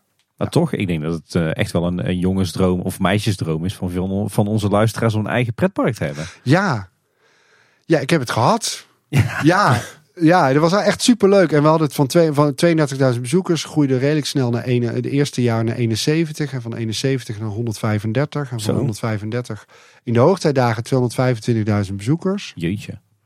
En het laatste jaar zakte dat ietsjes terug naar 180, 200 zoiets. Oh, ja. ja. ja. En superleuk met marketing en met. Uh, en uh, echt, het, ik vond het toch wel het leukste parkje van, uh, van Nederland. Entree was 9,95. Is heel schappelijk en schattig natuurlijk. En we hadden de oudste stalen achtbaan van de wereld. Of ja, dat zeiden we, want in Spanje staat geloof ik echt de oudste. Maar, st. maar wij, ja, voor, voor de mensen die nog nooit in de Waarbeek zijn geweest, waaronder ik zelf, uh, moet ik met schaamroet op de kaak uh, bekennen. ik ook. Uh, kan, kan, je eens wat meer vertellen over de Waarbeek? Hoe, hoe, trof je het aan? Wat waren er voor attracties? Wat, wat, is de, de, wat was de geschiedenis ervan? De, het sfeertje? Wat was het voor park? Nou, het is een nostalgisch familiepark met 40 nostalgische kermisattracties. Dus moet je echt denken aan de nostalgische kermis op de, in, op de Tilburgse kermis die attractie staat. Dus de Hully Gully en de Swingmill en de Rups, een draaimolen, een twister, een, uh, uh, nou die achtbaan dan, een treintje hebben ze dan, uh, oldtimers, nou maar allemaal dat soort dingetjes. Ehm, en oud, daar moet ik er ook bij zeggen. En het was echt een beetje, het was vergaande glorie, ze hadden al jaren niet meer geschilderd. je ziet wel eens nou ja, de Daddy Park ken je denk ik wel, uh, die foto's. Nou, ja, nou ja, zo verloederd was het niet. Maar wel dat je dacht, oh jongens, ik weet nog dat we aankwamen de eerste keer. En er stonden nog van die betonnen palen met zo'n met zo'n hoekje en op prikkeldraad. Zo was het park. Dat, ja, dat kan echt niet meer natuurlijk. Dus dan hebben wij er als eerste uitgerost. En eerst die buitenkant uh, aangekleed. En uh, destijds. En, ehm, en we hadden één attractie gekocht. Daar hadden we dan nog geld voor. En, uh, en heel veel marketing en heel veel geschilderd gewoon. Uh, en dan zie je en bloemetjes en plantjes. En, uh, En het leuke, het, is gewoon, het, het parkje bestaat geloof ik volgend jaar of over twee jaar 100 jaar. Dus het is ooit begonnen als een uitspanning met een roeivijver en een theehuisje. En ehm, eh, er sto- was een villa, die was gebouwd door een textielbaron. Eh er was de Enschede, Hengelo is natuurlijk textiel, was textielindustrie ook. En die textielbaron eh, ging failliet. Toen heeft de familie Smit dat overgenomen. En die hebben dat langzaam, ja, dat theehuisje, dat werd een roeivijver. En die roeivijver, eh, ja, dat breidde uit met een speeltuintje en een zalencentrum en een camping. En eh, nou, wij hadden alleen maar het pretpark. Want eh, die familie is dan natuurlijk langzaam ingegroeid hè, in een zalencentrum en, en een restaurant en pretpark en een camping. En wij wilden alleen het pretparkje. En, want dat konden we behappen en overzien. Of dat dachten we ook. En dat is ook gelukt.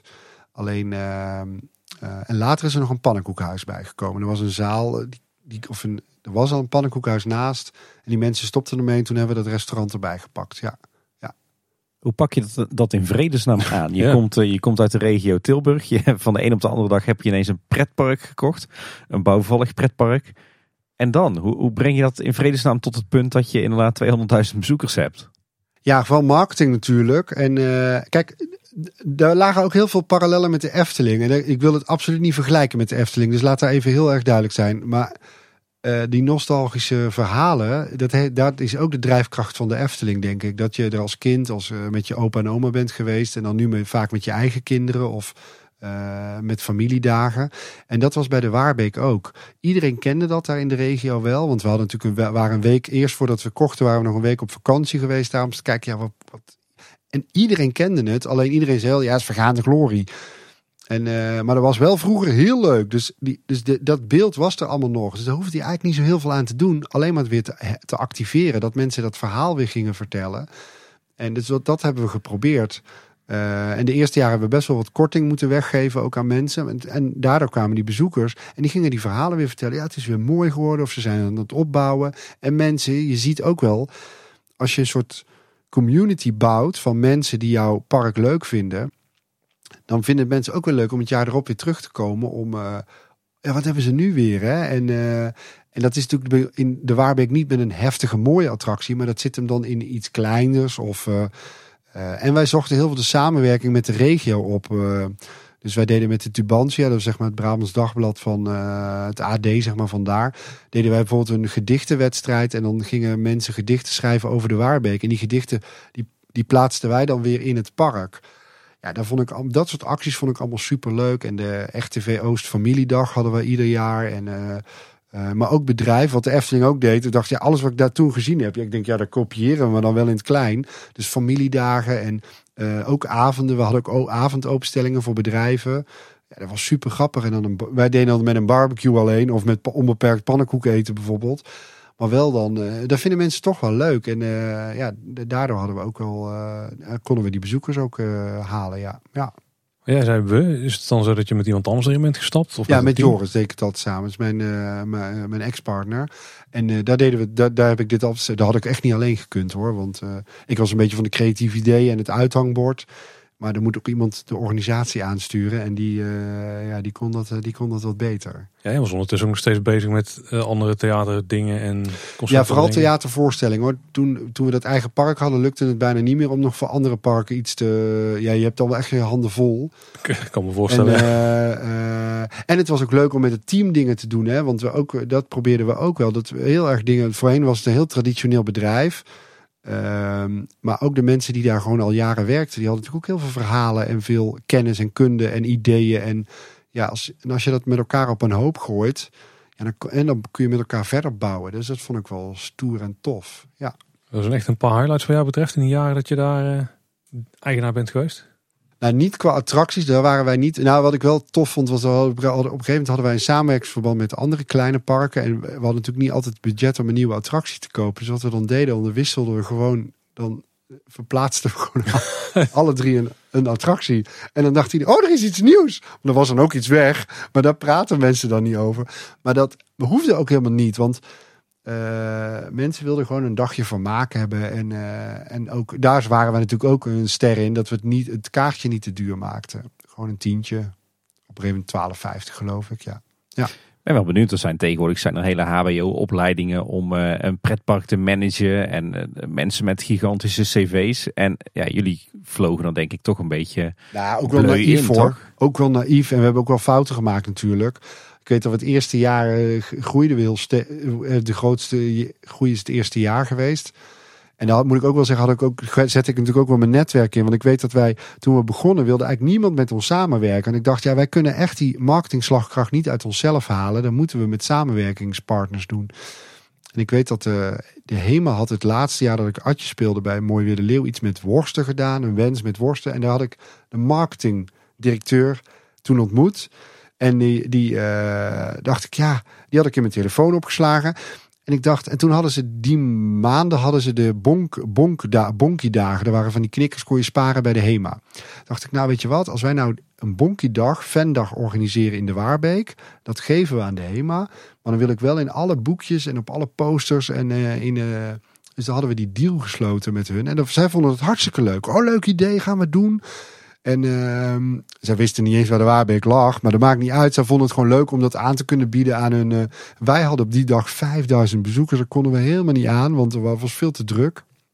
En, eh, maar we hadden wel in al die boekjes en op allerlei posters in de stad en ook in de regio. En drie weken later kwamen vanzelf allemaal samenwerkingspartners die wilden met ons samenwerken. Want de HEMA, nou, als je daarmee is, dan was het echt wel heel goed eh, waar wij mee bezig waren. Terwijl er was echt niks veranderd. En de eerste jaren groeiden we heel snel. En onze toiletten konden het niet aan. Er stonden allemaal mobiele toiletten. Stonden er, daar, was ik, daar moest ik ook wel om lachen. Dat is ook leuk. Maar ook schaamde ik me wel eens. Ik denk, ja, god. Maar mensen vonden het allemaal fantastisch. Want ze, hoor, ze, wilden, ze hoorden ergens bij of zo. Of ja, ja het werd daar heel erg gedragen door de regio. Ja. dat van die mobiele toilet heeft de Efteling nog meer van jullie gekopieerd. Ja, dat doen ze nu Ja. ook. Hè? Ja. ja, dat zag ik. Ja, dat zag, ja, dat zag ik ook. Ja, ja. Maar je was stiekem eigenlijk dus een klein beetje een marketinggenie. Nou, dat vind ik een groot woord. Het was gewoon geluk, weet je. Een beetje eh, kijken wat kan. En, eh, want er waren ook heel veel acties die mislukten natuurlijk. Maar ja, je, we moeten er een paar hebben die lukken. Ja. En abonnementen deden wij ook. We hadden, op een gegeven moment hadden we iets van 6000 abonnementhouders. Ja. We hebben natuurlijk een hoop luisteraars en die hebben misschien wel de droom dat ze ook een eigen pretpark zouden willen hebben. Misschien wel directeur zouden willen zijn van de Efteling. Maar als je nou één voor eh, zou moeten geven voor het hebben van een eigen pretpark en één tegen, wat zouden die dan zijn? Nou, één voor is, daar begint natuurlijk mee. Want het is echt superleuk. Je kunt de creativiteit in kwijt. Alleen je bent wel echt altijd aan het werk. Eh, dat is een nadeel natuurlijk. Maar het voor is, je kunt er heel veel creativiteit in kwijt. En er zit, ja, dat, dat is het. Ja, dat heb ik. Want ik heb, we konden evenementen bedenken. We konden, dat deden we niet, deed ik niet alleen, alleen hè, dat deden we met een heel team. En eh, evenementen bedenken. Maar je kunt ook attracties, aankledingsdingetjes. En wij deden het allemaal in het kleine. Daar zeg ik echt bij. Want je moet eh, bij ons echt niet denken aan grote the- gethematiseerde toestanden. Helemaal niet. Dat konden wij niet betalen. Of ja, dat kan wel. Maar dan moest je het kaartje naar 20 euro. Ja, dat wilden we niet. Dus daar waren we ook wel heel duidelijk in. Ja. En een no, om het niet te doen.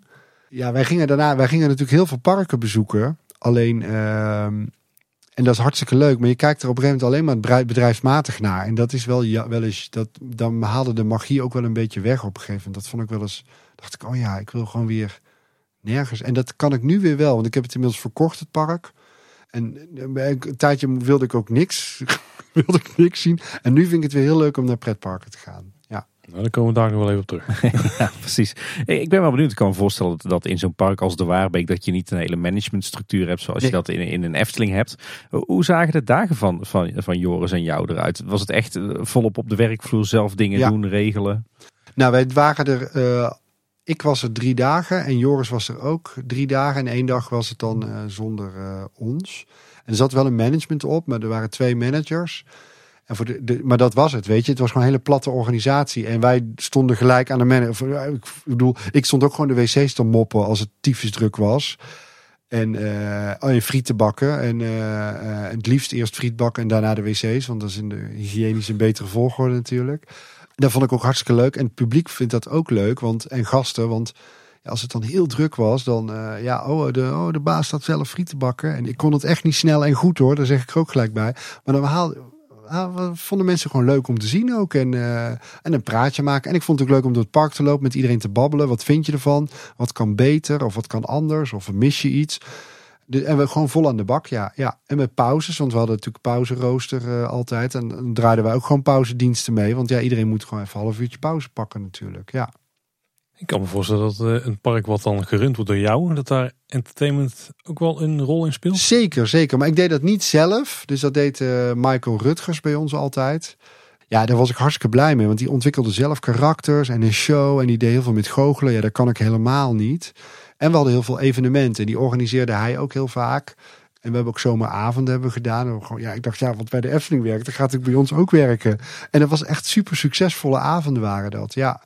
En dan hadden we een beetje dat. Ja, ik hou dan wel van dat nostalgische entertainment. Zo'n Tropcon Night hadden we een keer. En we hadden een keer een Hollandse amazing avond. En maar wij hadden dan geen zes podia's, we hadden maar er eentje. Maar dat was wel hartstikke leuk. En dan was het park hartstikke vol. En attracties draaien, lampjes aan. En sfeertje. Ja, ik vond het kicken. Ja. Maar wel keihard werken dan hoor. Want dan moest je gewoon, eh, stond ik ook biertjes te tappen of uh, attracties te draaien. Ja. Wat was voor jou het, het hoogtepunt van jullie tijd uh, bij de Waarweek? Nou, wat ik zelf leuk vond was die, uh, die, uh, die familiedagen die we organiseerden met partners, met, met onze samenwerkingspartners. RTV Oost deden we dat, maar ook met de Tubantia deden we dat. Er was een opa en oma dagen bijvoorbeeld. Ja, dan was het park heel vol. Dus dan hadden we, ja, zo'n zo'n club wil dan zoveel mogelijk kaarten weggeven natuurlijk. Dus hadden ze gewoon het park uitgekocht en kregen ze kaarten konden ze dan weggeven of, of verkopen. Of ja, ligt, ligt eraan wat, wat ze daarmee weer deden. Maar het park was dan altijd heel vol. En dat vond ik altijd wel heel erg leuk. Dus het is gewoon kick om te zien als je over je park loopt. En al die attracties zijn vol. En, de rij, en er zijn, overal staat er een leuk rijtje. En uh, uh, ja, dat is wel kicken. Ja, ja. Dat is een beetje een rollercoaster tycoon in het echt. Ja, dat was het wel, ja. ja. En, en, heb je ook een, een dieptepunt van jullie tijd bij de Waarbeek? Ja, we hebben, we hebben één keer een, uh, was een incident. Ja, dat was super sneu. Er was een jongetje wat uh, was een drukke dag op het park. Wij waren er toen allebei ook. En uh, er was een jongetje, er was ehm, in de rups gegaan. En de rups ja, daar zit je los in het bakje. Je wordt dan eigenlijk automatisch gedrukt in het, door, de, door de snelheid in het bakje gedrukt, zeg maar. En daar gaat op een gegeven moment ook een kap overheen. Ja, goed, uh, al, onze attracties zijn veilig en gekeurd en uh, dubbel gecheckt. En uh, dagelijkse controle, maandelijks en periodiek. En we twee, twee keer per jaar nog een externe, hoe heet het, een externe controleurs over de vloer. Ze hadden, de, dat was allemaal gewoon heel goed en degelijk geborgd. Alleen het jongetje was gaan springen tijdens het doek was erover. En dan was hij gaan springen in de, in de attractie. En die was tussen het doek en de rups gekomen. Dus die was eruit gevallen. En die, dat viel eigenlijk nog wel mee. Maar hij had, had met zijn voet had natuurlijk een van de wielen geraakt. Of, uh, of natuurlijk, die had de wielen aangetikt. Zat een flinke jaap in zijn, in zijn voet. Ja, dat was wel uh, super sneu. Om, uh, ja, zo'n incident hadden wij nog nooit eerder meegemaakt. Ja, een keer een verstuikte enkel en een keer een tand door de lip bij de botsauto's. Ook heel vervelend. Maar overleef, de, de, dat is allemaal te overleven, mm. zeg maar. Daar kun je nog, hè, daar heb je een, een, dag last van en is het weer, oh, is het weer voorbij. Uh, maar dit was wel. Uh, ja, toen kwam ook uh, de trauma-helikopter en zo. Dat, ja, dat was wel super heftig. Ja, dat. ja, dat, toen was, was ik wel geschrokken. Want dan heb je al je, je veiligheidsborgingen heb je op orde. En dan gebeurt er dus toch nog iets. Kijk, uiteindelijk zijn al die attracties natuurlijk gewoon machines. Hè, die, die, ehm, ja, dat, dat, vond ik, dat vond ik wel heftig. En vooral voor dat jongetje natuurlijk. En voor die ouders, want die waren natuurlijk ook geschrokken. S'avonds gelijk contact met die ouders. En, uh, en ook met het, ja, het jongetje niet, want het sliep natuurlijk. Uh, en ook de hele tijd nog gemonitord en nog gevolgd. En uh, ja, dat was wel. Ja, dat vond ik wel, dat vond ik wel pittig, ja, dat dat toen gebeurde. Ja, ja. ja. Maar ja, ook, moet ook eerlijk zeggen, er waren heel veel collega-parken, waaronder ook. Uh, een bericht toen uit de Efteling hoor, met steun van joh, vervelend dat er gebeurd is. Als we iets kunnen doen, dan horen we het. En uh, ja, dat, vind ik, dat was ook wel hartverwarmend. En overigens, met het jongetje is het helemaal goed gekomen. Die heeft wel zes weken in het gips moeten zitten. Die wond is langzaam kunnen genezen. Maar uh, het is allemaal helemaal goed gekomen met het, met het mannetje. Gelukkig. Ja. Uiteindelijk is het park verkocht. Was daar nou, onze, ik had met mijn partner natuurlijk, of mijn ex-partner, uh, dat park en die relatie die verbrak. En toen dacht ik, ja, wat wil ik dit? Kan ik dit alleen, ja of nee? Nou, ik dacht niet dat ik dat zou kunnen. En, en er was ook iets anders aan de hand. We moesten, je moest, uh, we moesten of grond bijkopen, dat hadden we ook al wel gedaan, om uh, te groeien. En als je gaat groeien, dan moet er een nieuwe managementlaag in. En daar ben ik sowieso niet goed in. Dus ik, ben, ik moet het zelf kunnen voelen en eh, over een rondje over het park en een beetje kunnen sturen. En, en een extra managementlaag, daar had ik niet getrokken. Dat, daar, weet ik van mezelf dat ik dat niet goed kan. Dus uh, dat was ook een reden. En uh, het park is natuurlijk niet heel courant, hè? want uh, iedereen wil het wel kopen, maar niemand do doet het. dus er waren op dat moment ook een, aantal partijen die geïnteresseerd waren. En toen dan ga je zo'n traject in om het te verkopen. Dan word je of in ieder geval, wij hebben daar hulp bij gehad om dat, om dat te verkopen. Want dat had ik ook nog nooit gedaan, een park verkocht. Gekocht wel inmiddels, maar verkocht nog niet. En we vonden een aantal dingen heel belangrijk, want we hadden hadden ongeveer 70 mensen in dienst. En de 15 daarvan waren jongens en meiden met afstand tot de arbeidsmarkt. Verschrikkelijk dat ik dat zo moet zeggen. Maar de, uh, en uh, die wilden we wel dat die hun werk zouden blijven behouden. En uh, van die, we wilden ook wel dat die nieuwe partij dat zou echt zou omarmen. Dus niet alleen op papier, maar ook wel intrinsiek gemotiveerd zou zijn dat die jongens en meiden uh, dat die rollen vervuld zouden blijven. En die partij hebben we gevonden. En ja, ja, dan ga je onderhandelen, maar dat doe je natuurlijk niet ook op prijs, maar ook op een aantal randvoorwaarden. En die randvoorwaarden waren voor ons wel heel erg belangrijk. Ja. Want we waren een sociale onderneming en ook echt geborgd binnen de regio. En, uh, en dat is nog steeds zo. Dat vind ik echt super tof. Ja. Het is een goede ander nu. Ja, ja zeker. Ja, ja, ja. Mis, je, mis je het wel eens, jouw park?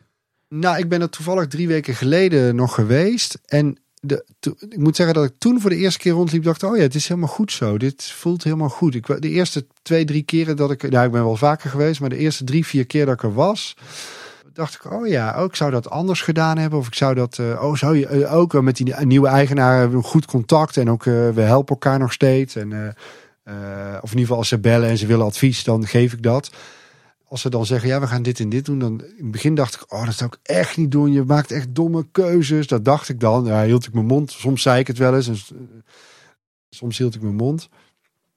Maar ik, zij doen het echt fantastisch goed. Ze hebben het echt goed op orde. En uh, ondanks dat ze ook twee best wel pittige jaren hebben gehad, natuurlijk met corona.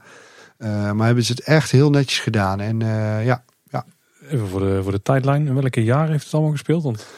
twee, oh, dan moet ik zelf even nadenken. Ik heb het zes jaar geleden verkocht. Uh, en daar, ik heb het tien jaar gehad. Dus uh, 2007 tot 17. Ja. Ja. ja. ja. Oh, netjes. En, en als je nu door, want je zegt, nu ben ik weer helemaal klaar voor, of ik ben er weer uh, mee bezig om andere parken te bezoeken. Daar kan ik weer. Ja. Kriebelt het dan af en toe dat je denkt van, oh. Nee, nee, ik hoef nooit, ik hoef nooit meer een park. Nee. Die droom die is. Nee, maar ook, heeft ook een beetje te maken met, uh, als je een park hebt, heb je ook heel veel personeel. Dus dat is, uh, en dat is ook heel erg leuk, maar dat is ook heel, soms niet leuk. een Chinees gezegde, hè? ik wens je veel personeel toe, toch? Uh, ja. Hey, we zijn inmiddels zes, zes, jaar verder. Wat, wat heb je daarna gedaan, na de verkoop van de Waarbeek? Uh, nou ja, ik ben, daarna ben ik. Uh, uh, moet ik wel even nadenken. Van, wat ga ik dan nu doen? En wat ga ik dan. Uh, hoe heet het? ja, ik moet wel zeggen, ik ben altijd blijven toneelspelen. Dus ik heb, produceerde nog wel ieder jaar een theatervoorstelling. En dat doe ik nog steeds. En dat ben ik ook in die Waarbeek-tijd ben ik, heb ik dat gedaan. En ook in de afgelopen zes jaar. Dus dat vond ik super leuk. En nu, maar daarnaast dacht ik, ja, ik wil niet meer fulltime spelen. Dat vind ik ook niet meer leuk. Dus wat ga ik dan nu doen? En het grappige is dat er automatisch dingen op je pad komen. Dus uh, in het begin kwamen, of ja, nu nog steeds wel eens, komen er kleinere parkjes naar me toe. Kun je eens even meedenken met iets? Of kun je even. Dus ik heb het Sprookjesbos in Valkenburg uh, uh, een tijdje geholpen. Dat vond ik super leuk. Een beetje advieswerk. Ja, ik vind het zelf advies. Dan lijkt net of dat je. nou ja, zo'n, hoe noem je dat? Zo'n consultant bent. dat vind ik een beetje stom. Want je moet gewoon een beetje met de poot in de modder gaan staan beetje voelen wat gebeurt hier, wat gaat er goed, wat gaat er minder goed, waar kun je op sturen, waar, zijn er, waar kun je nog creatieve dingen bedenken van, uh, ja, dat vind ik super leuk. Dan komt Arjan niet voorrijden in zijn uh, zwarte Audi met zijn driedelig pak. Nee, zeker niet. Maar ik heb sowieso, nee, ik ben wel heel, uh, nee, gewoon een t-shirtje joh. En, en het liefst sta ik dan nog gewoon, bij het Sprookjesbos heb ik ook heel vaak gewoon frietjes mee staan bakken. Want dan zeiden ze in de keuken, ja dat kan niet, dat kan niet. Ja, dat kan niet, dat kan niet. Daar geloof ik niet. Dan wil ik het zelf ervaren. En op sommige punten hadden ze echt gelijk en op sommige punten niet. Nou, en dan ga je kijken van hoe kan het wel. Nou, nou waar lagen vraagstukken. Nou, die hebben we mooi kunnen beantwoorden. En uh, zij zijn ook van de, de twee, van hadden ook 32.000 bezoekers en na een jaar hadden ze ook 70.000 bezoekers. Dus weet je, dat vind ik allemaal wel leuk, dat soort dingen. Ja. ja. En ook in uh, later het Sprookjeshof in Zuid-Laren. Het ligt allemaal wel ver weg, hoor, moet ik zeggen.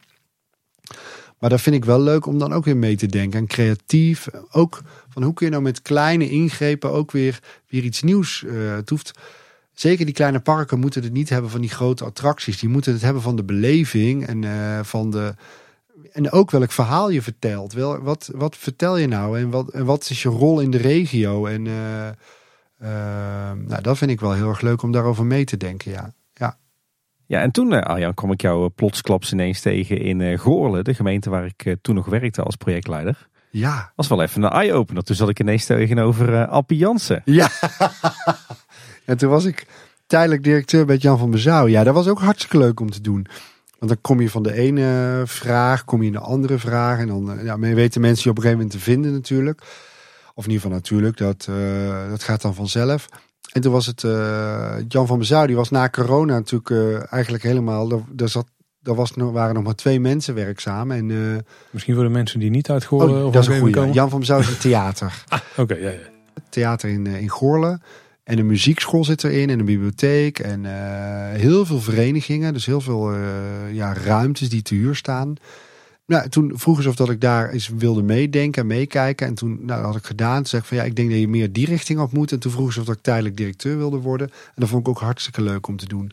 En ook daarin ook weer, hè, het gaat ook om beleving en het verhaal. Wat vertel je? Wat ben je voor die regio daar? Voor de, en vooral voor de regio Goorlen natuurlijk. Maar Tilburg, er komen ook heel veel Tilburgers daar naartoe. En dat snap ik wel, want het is een heel mooi, schattig, overzichtelijk theater. En niet mega groot. Komen ook bijzondere producties, hè, die wat kleiner en wat uh, intiemer. Uh, vaak komen de artiesten nog naar voren toe in de foyer. Dat is in Tilburg een stuk minder.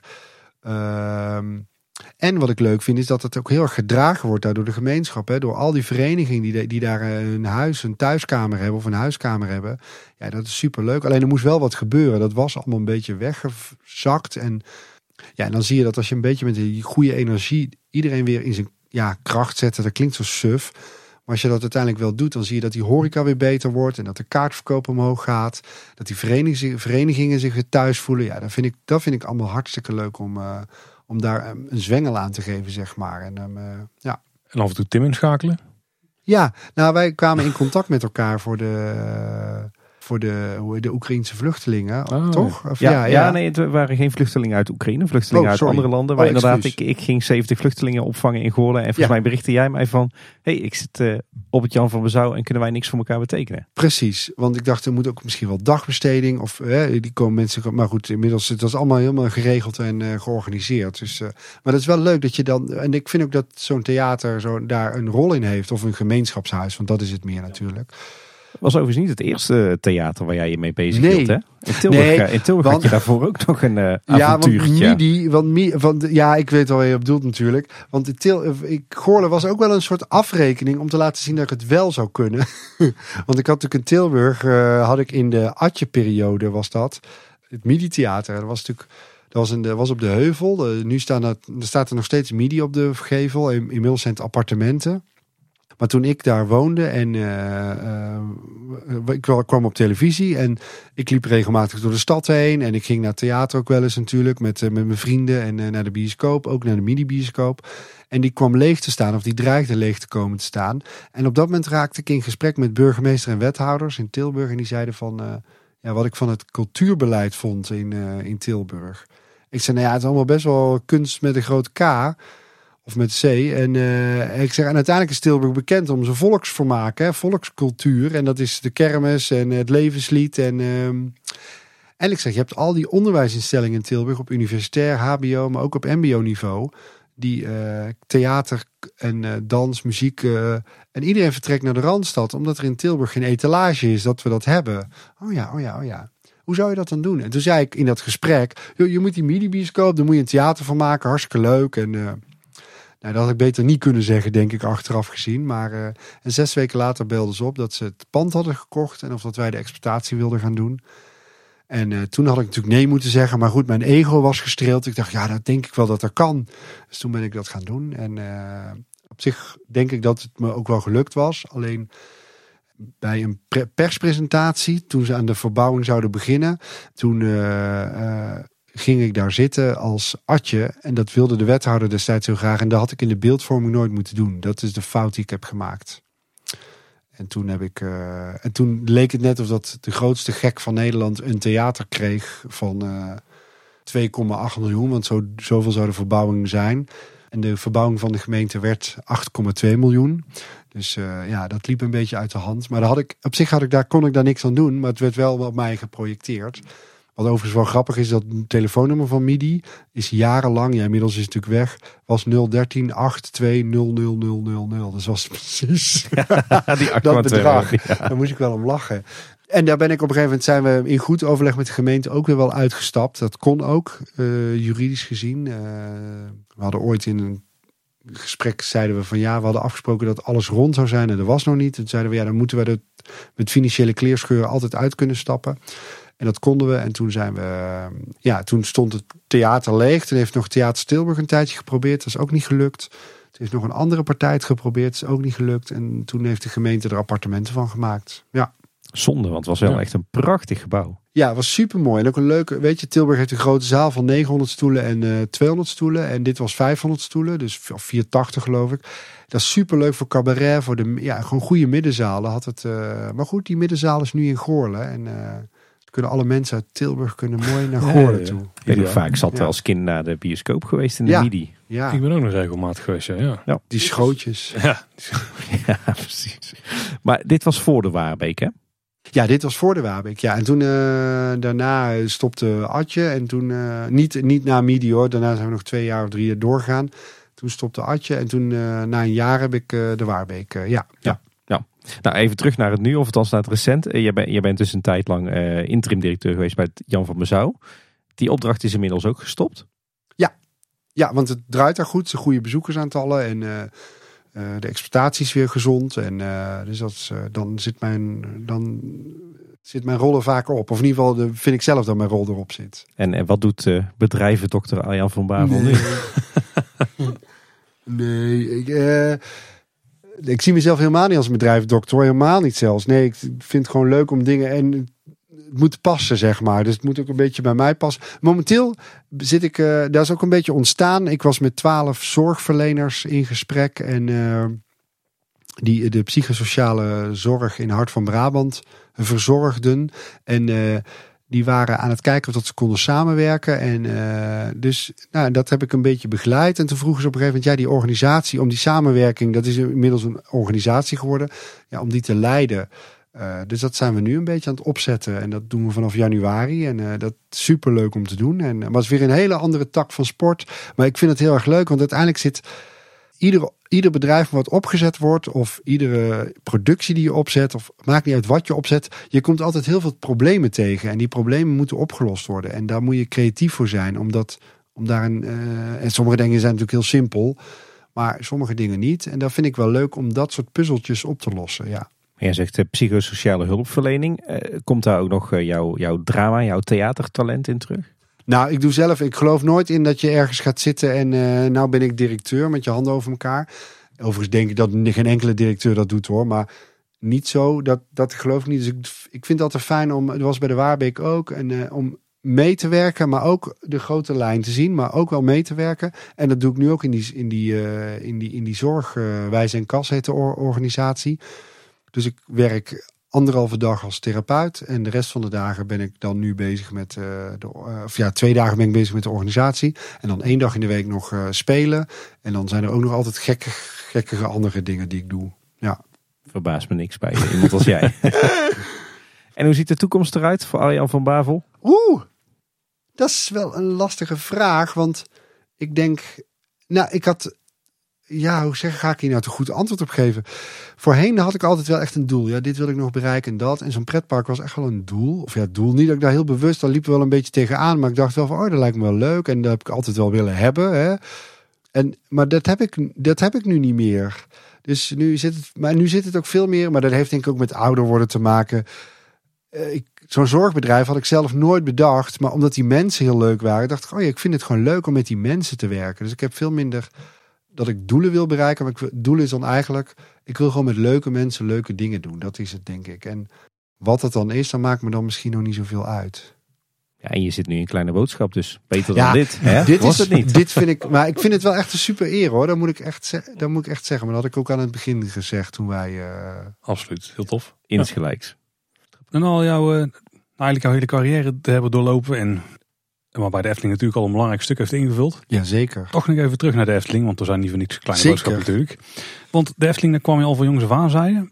Had jij ook echt al eh, een bepaalde liefde voor het park voordat jij eh, in het theater eh, jezelf bezig hield? Ja, zeker wel, zeker wel. Ik, ik, ehm, eh, maar wel, ik was niet een abonnementganger. We- Dat konden mijn ouders niet betalen. Dus, dus we hadden nooit. Wij gingen één keer per jaar, soms twee. Nou, eigenlijk, nee, ik denk echt wel gewoon één keer per jaar. En ja, ik vond het echt een magisch uitje gewoon. Dus eh, ik weet nog wel dat mijn, eh, dat ik een, mijn, toen kon je van die videorecorders huren. En dat, mijn vader heeft zo'n videoband, dat we heel de tijd zo'n dop erop, want er was vergeten die dop te halen. Maar ik weet wel dat wij door het hele sprookjesbos hebben gelopen en dat ik ieder sprookje heb aangekondigd. De wolf en de zeven geitjes. Nou, nou met zo'n heel piepstemmetje. Mijn zus plaagt mij daar nog steeds mee. Maar dat vind ik wel heel grappig. Maar daar, ja, ik hield wel van die magie, zeg maar. Ik geloofde er ook in. Ja, Ja, als jij ook klasgenootjes omschreef als iemand die in zijn eigen wereld leeft, Ja. dan was de Efteling ook weer een hele wereld waar jij in kon Ja. Daar kon ik me helemaal in vinden. En ik had ook het idee dat iedereen daar altijd heel vrolijk en blij was. En eh, dat is natuurlijk ook zo.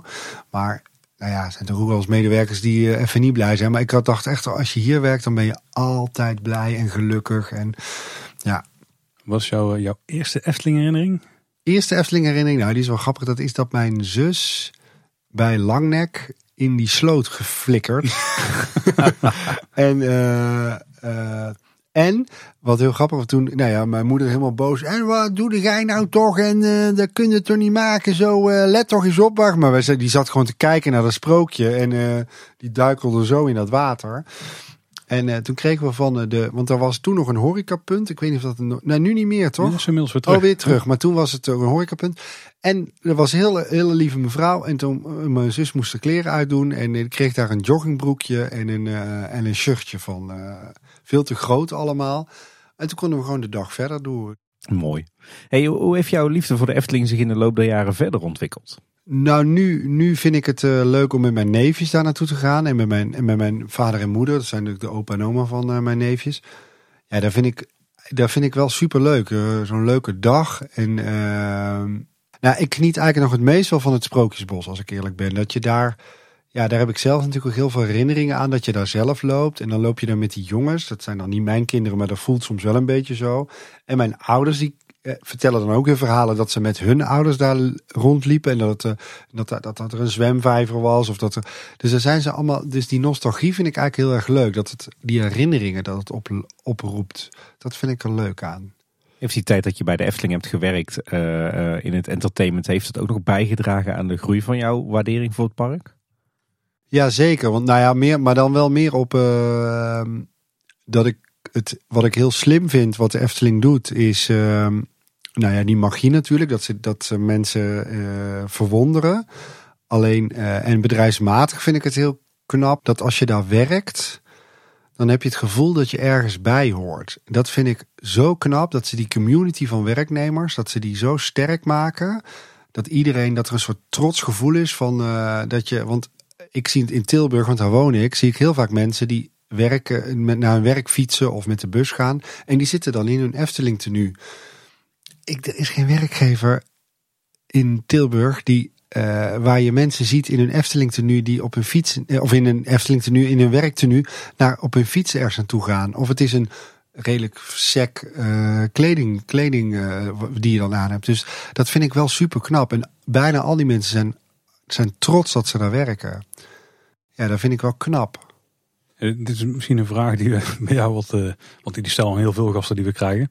Maar is er iets uit de Efteling wat jij hebt meegenomen in je dagelijks leven of in je werk? Ja, bij jou is dat natuurlijk vrij voor de hand liggend misschien. Eh, in mijn werk sowieso. Wat ik, wat ik echt bij de Efteling geleerd heb, is om iets te maken. En eh, ook met, die, met het improviseren. Om iets te doen wat iedereen leuk vindt. En ehm, dat lukt me aardig goed. En daar vind ik hartstikke. Daar, vind daar ben ik nog steeds blij mee dat me dat heel erg gelukt is. Want ik zit ook wel eens met de andere theatermakers te. te en die zitten dan heel erg in een niche-markt. Terwijl ik denk, ja, ik maak gewoon iets wat, ja, wat iedereen leuk vindt. Dus misschien ook een beetje saai. Ik vind het niet saai overigens hoor. Maar sommige mensen vinden het dat ja, te braaf of weet ik veel wat. Maar ja, ik, uh, ik ben daar heel blij mee. Die voelspriet heb je echt daar ontwikkeld. Zeker, ja. ja. Ja, ja, wat maakt de Efteling nou zo bijzonder in jouw ogen? Nou, toch ja, kom ik toch weer terug op die nostalgie. Dat je die verhalen hebt met elkaar en over elkaar. En, en, voor mij, en wat ik zelf heel leuk vind, is dat ik tegen mijn neefjes kan zeggen: Ja, maar achter, daarachter daar zit een wc eigenlijk, achter die waterval. Dat vind ik dan zelf heel grappig om te kunnen zeggen. En ze geloven dat ook allemaal. Terwijl ik daar eigenlijk niet helemaal precies meer weet. Want het is ook al best wel lang geleden dat ik daar geweest ben. Maar ja, dat vind ik wel grappig. Ja, dat, uh, dat is ook iets wat je al mee hebt genomen naar andere plekken. Steeds het verhaal vertellen van ja, de plek waar je bent. Zeker, zeker. Uiteindelijk gaat het om verhalen vertellen en, uh, en het beleven met elkaar. Hè? Dus als je met elkaar in de, in de eerste keer in de Python bijvoorbeeld. Ja, daar weet ik als kind echt nog heel goed dat mijn vader naast mij zat. En dat we de eerste keer de Python gingen nu met mijn neefjes. En die gaan ook de eerste keer de Python, of zijn ze ook in geweest. Uh, en Joris en de Draak. Nou, daar heb ik dan zelf geen kindherinnering meer aan, maar wel aan die Python. En, uh, en bij de Waarbeek hadden wij bijvoorbeeld als dan kinderen voor de eerste keer in de, in de achtbaan gingen. Was, de achtbaantje stelde echt niet zoveel voor. Maar dan, gingen ze, dan kregen ze een certificaat van ons dat ze er voor de eerste keer in een achtbaan gingen. Nou, ik, en ik krijg nu nog wel eens foto's van uh, ouders. Uh, kijk, we zijn de camera aan het opruimen. Klik via Facebook of zo. En we kijken eens wat we nu vinden. Ja, daar vind ik super stoer. Dat vind ik super stoer. Want er is iets gepland en dat blijft dan doorgaan of zo. Dat is, ja, en we zijn bij Kleine Boodschap altijd uh, benieuwd naar een aantal favoriete zaken van jou in de Efteling. Maar ik begin met eentje die we niet aan al onze gasten stellen, maar waar ik bij jou wel heel erg benieuwd naar ben. Wat is nou eigenlijk uh, van al die jaren dat je in de Efteling komt, je, je favoriete entertainment act of je favoriete show geweest? Nou, waar ik zelf heel veel herinnering aan heb, is uh, de sprookjesshow met die, met die zeemeermin. Dat die door de lucht ging. Die vond ik in die tent, dat vond ik fantastisch. Daar op het blauwe pad loopt de gelaarste kat. Nou ja, al die liedjes ken ik denk ik wel. En daar zijn ook al Hans Gietje. Ja. ja, hij is als een Hans Gietje. En soms bij volle maan. Zien wij sneeuwtjes staan. Ja, precies. Dat, vind ik, dat, vond ik wel, dat vond ik ook wel echt wel super mooi gemaakt. En, uh, maar ik vond ook de familie Vermeer vond ik ook heel grappig. Ja. Ja. Ja, ik hoor jou heel vaak, uh, als, jij, als jij doet alsof, jij, alsof iemand iets vertelt, dan, dan neem jij zo'n Tilburgse accent ja. aan, wat natuurlijk heerlijk is. Maar dat doet me dan ook meteen wel weer aan het En de Vermeertjes, ja. ja. de familie Vermeer deed dat ook. Ja, ja, ja, ja. In die spiegeltent, ja. Was nou jouw mooiste Efteling herinnering? Dat ik met mijn opa en oma, toen was ik een jaar of twaalf denk ik, naar de Efteling ging. En wat ik ook een mooie herinnering vond, vind, is dat ze een keer met heel de familie onverwacht naar de Efteling was gekomen en dat ik daar al uh, aan het spelen was. Ja, dat vond ik mm. ook heel, ook, zo helemaal half emotioneel, want al die, al die, vooral die opa's en oma's te zien, twee in een rolstoel en uh, ja, dat was super leuk. Ja, ja. Het gaat om herinneringen. Ja, het uiteindelijk gaat het om herinneringen. Dus de Efteling staat natuurlijk ook bekend om haar vele mooie details. Dingen die niet iedereen weet, maar als je geoefend bezoeker bent, dan, eh, dan weet je die details wel te vinden natuurlijk. Uh, heb jij wat een favoriet detail of favoriete details in het park? Nou, daar is de Efteling natuurlijk echt wel een ster in. Ehm nou, wat ik zelf heel grappig vind, en eh, dan, ik kan niet een detail zo 1, 2, 3 noemen hoor, maar wel als je in die karretjes zit voor die kindjes, hè, daar ben ik zelf, uh, mijn neefjes hadden die een tijdje, want toen waren ze natuurlijk nog heel klein. En dan vond ik het zelf ook leuk om in het karretje te zitten. Dat past dan natuurlijk net niet, dat doet hartstikke pijn als je erin zit, met je dikke kont. Maar dan, het grappige is, als je dan kijkt op dat niveau van die kinderen, dan is alles ook heel mooi. Terwijl ik had eigenlijk altijd gedacht, oh ja, dat is, ja, dat is natuurlijk alleen maar voor ons een beetje op ooghoogte mooi afgewerkt. Maar dat is helemaal niet. We hebben daar echt goed over nagedacht.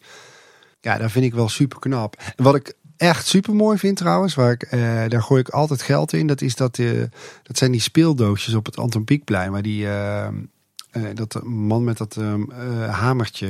smitje. Ja, ja, het smitje, ja, ja. ja.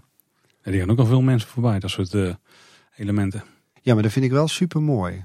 Ja. En doe je het dan ook om de pins?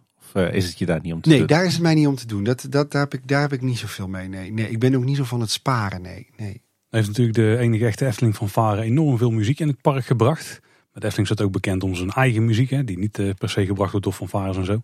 Heb je daar misschien een favoriet in zitten? Nou, daar heb ik een favoriet, maar ik heb ook een irritante daarin. Oh. Die wil ik ook wel vertellen. Mijn eerste favoriet, ik vind natuurlijk uh, Carnaval Festival heel erg leuk. En dat komt ook omdat Tone Hermans erbij betrokken is geweest. Dus ook een beetje een theateridool natuurlijk. En, uh, En ik vind, ehm de meest irritante vind ik wel van de Vliegende Hollander. Echt zo'n zeiknummer vind ik dat. Maar goed, ja, goed het, is, het klopt helemaal hoor. Maar, ehm, en ik heb dan natuurlijk ook, omdat wij natuurlijk bij, wij stonden bij die schutting, dan moesten we dan kijken of dat goed ging, die act.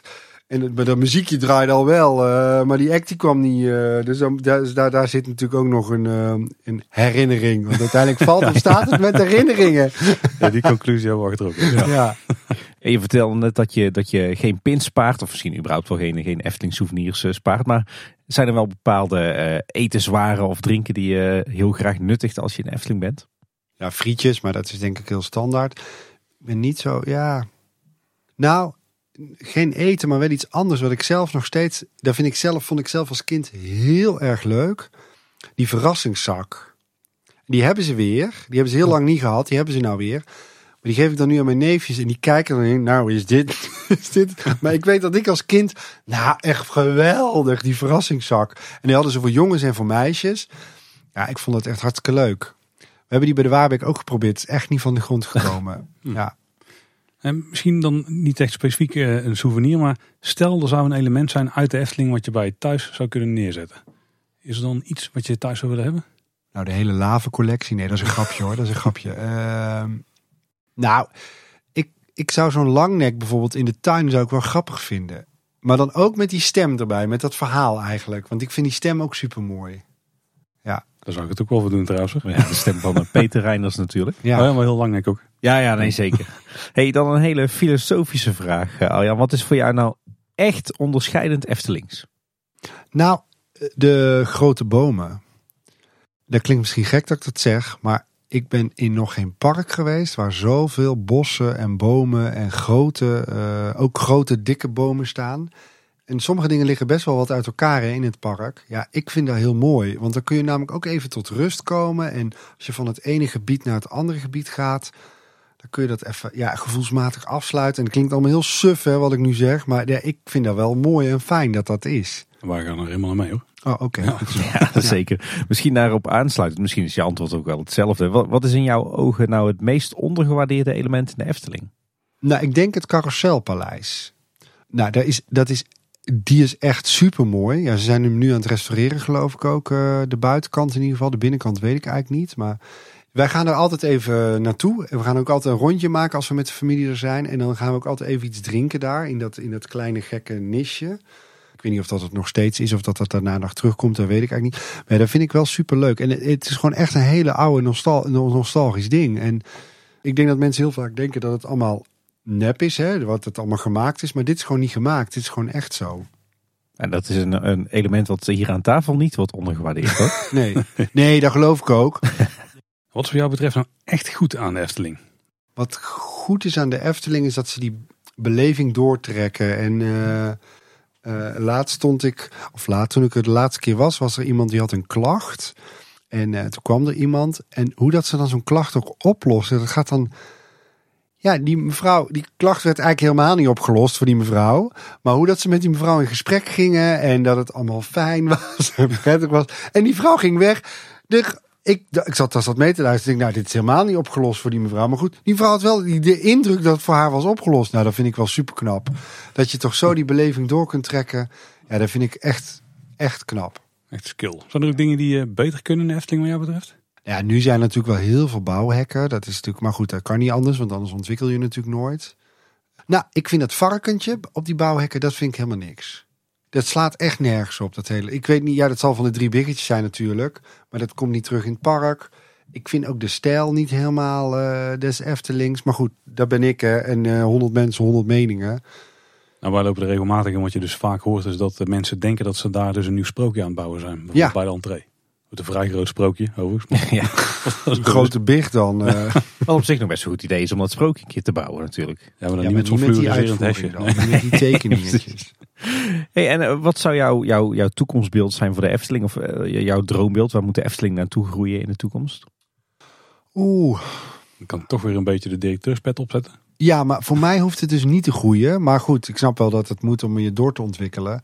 Kijk, er gaat natuurlijk, nog- er gaat natuurlijk nog eens een keer nog een soort gebied bij komen ooit. Dat, daar ben ik van overtuigd.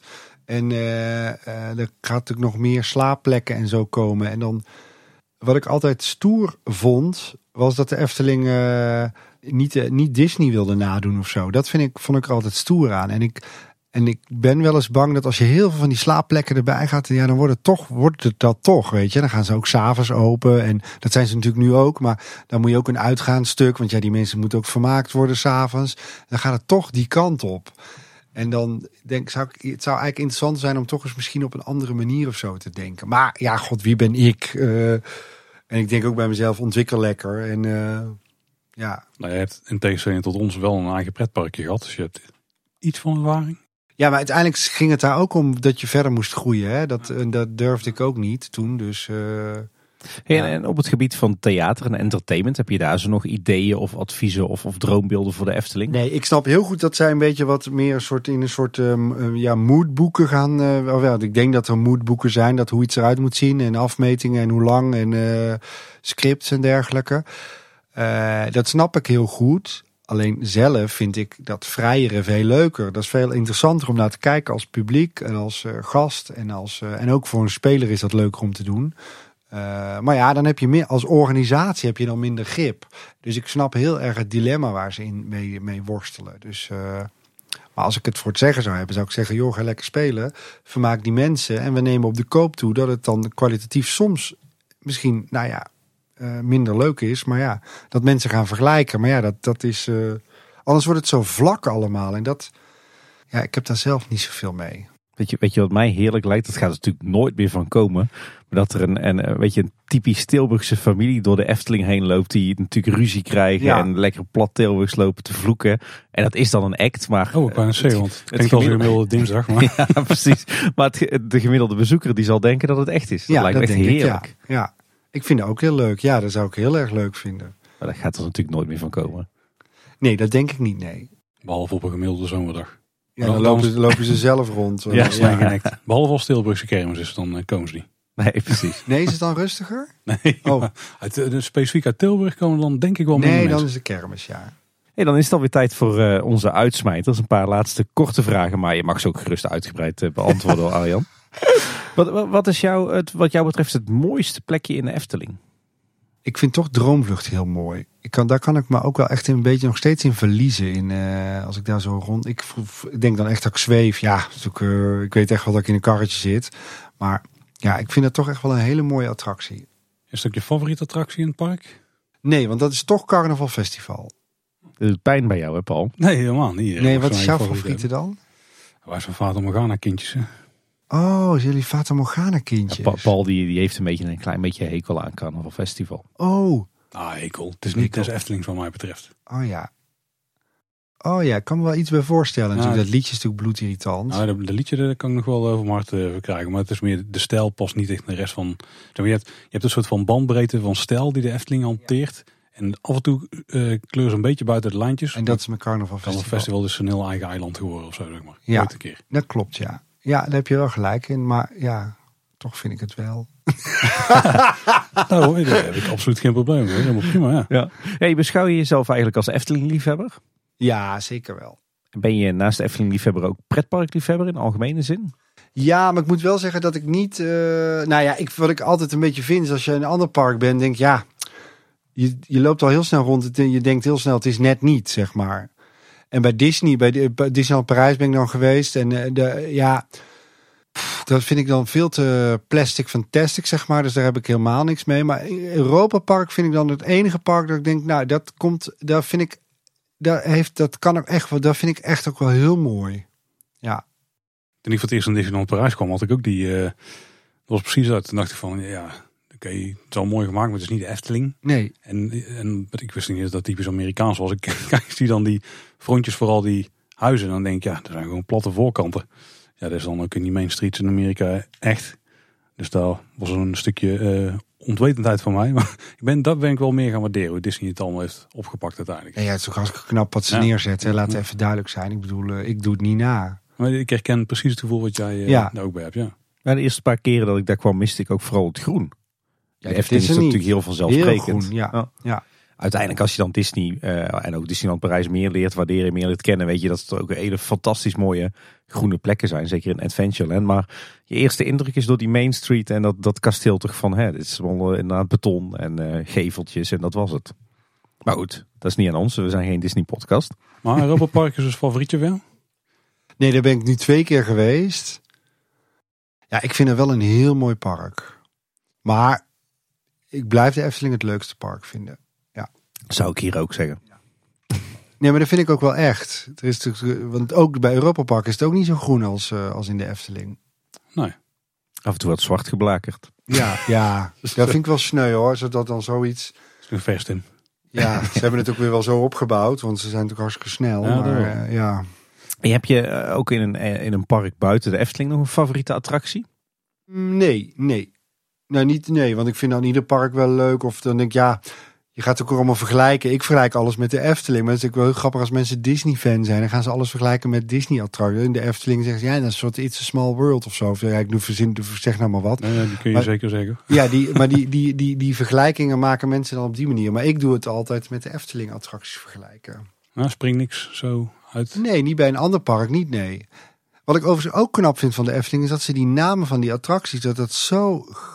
Ik was eh, met mijn neefjes in uh, Bobbejaanland... en had je zo'n ronde eh, waterbaan met die van die ronde bootjes... Mhm. En ieder, dat heet daar, ik weet niet eens hoe het heet, maar iedereen zegt, oh, dat is de piranha. Dat is dan zo grappig. En de python, dat is een, oh, dat is een python. Oh, dat is een, het schommelschip. Al die namen, die zijn zo gebakken bij ons erin. Dat vind ik wel grappig. Dat hebben ze goed gedaan. Ik besef net dat we eigenlijk nog een vrij essentiële vraag. Ja, niet essentieel zijn vergeten, maar wat zijn jouw favoriete type attracties? Ja, uiteindelijk toch gewoon eh, in een bootje en dan eh, of een, ergens een verhaaltje zien. Voor, eh, geen achtbanen of zo. Nee. Maar ik doe het wel hoor. Ik durf- over. Ik vind de Vliegende Hollander vind ik uiteindelijk best een mooie attractie geworden. Maar dan wel met het geluid uit. Ja, wel, ja, nou dat liedje in die wachtrij. De rest van de vind ik prima. Ja, het is toch een zeiknummer, of niet? Dat is een van mijn favorietjes. Oh, is dat jouw favoriete nummer? nou, wel een van de favorieten. Oh. denk ik, hè. Maar ik heb er ook geen, eh, eh, niet ellenlang, eh Naast gestaan. ja precies, Nee, dat- dat scheelt. Ik wel dagenlang tijdens de inbedrijfstelling. Maar goed, Oh. dat is weer een ander verhaal. Hey, eh, heb je, we hadden het net al een beetje over je favoriete show of favoriete eh, theateract eh, in de Efteling. Heb je in algemene zin nog shows of entertainment acts, mag ook van buiten de pretparkwereld zijn, die je onze luisteraars wilt aanraden? Nou, ik vind, nou, die, die wordt niet meer opgevoerd, maar ik weet in de studioparken bij Disney hadden ze een, eh, ja, die vond ik toen, toen heel mooi, dat is al lang geleden hoor, maar er was een soort black, met blacklight heel veel, en dat was dan met, ja, ik weet ook niet meer hoe, An- Animagiek of zoiets, ik weet niet meer hoe dat, Ja, ja, ja klopt. heet, en heet het zelf zo? Ja. Ja. die vond ik, en dan kwam op een gegeven moment een olifant op en dat vond ik heel grappig. Dat weet ik nog wel. Toen dacht ik, oh, zoiets zou de, zou de, de- ja, zou de Efteling ook kunnen doen. Maar dat wilden ze natuurlijk niet, want er was veel te meer- veel gericht op hun. Maar dat zouden ze, nou, ja, dat vind ik wel leuke vormen of zo, ja. En ik vind alles van, eh, ik vind Cirque du Soleil heel erg mooi. En dat vind ik ook wel, als je dat de juiste goed verpakt, dan zou dat ook allemaal in de Efteling kunnen. Ik denk het wel, ja. Hey, en eh, tot slot, Arjan, hebben we nu natuurlijk een, eh, een specialist aan tafel als het gaat om marketing en, eh, en content en zo. Luister je ook wel eens naar Kleine Boodschap? Zeker. Niet iedere aflevering heb ik geluisterd, dat, dat had ik al gezegd. Maar ik heb die van ehm, met Ronald van Zel heb ik, heb ik geluisterd. En met Reinoud hebben jullie ook eentje opgenomen. Ja, klopt. Ja, ja, die heb ik ook gelu- geluisterd. Ja. Heb jij eigenlijk nog tips voor ons? Hoezo voor jullie? Nou, wat wij beter kunnen doen? Nee joh, jullie- het is hartstikke leuk die podcast. En ik moet wel, ik, iedere keer denk ik, oh hij is wel lang. Nou, ik luister maar een stukje. Kijken of ik het interessant genoeg vind. En dan begin ik en dan, dan eh, luister ik hem toch helemaal af. Kijk, ik ben bang dat dit ook weer zo'n aflevering is van dat type. Oh nee! Over al die mensen, oh jee. Nou, Hartstikke leuk. komen, gaat er goed komen.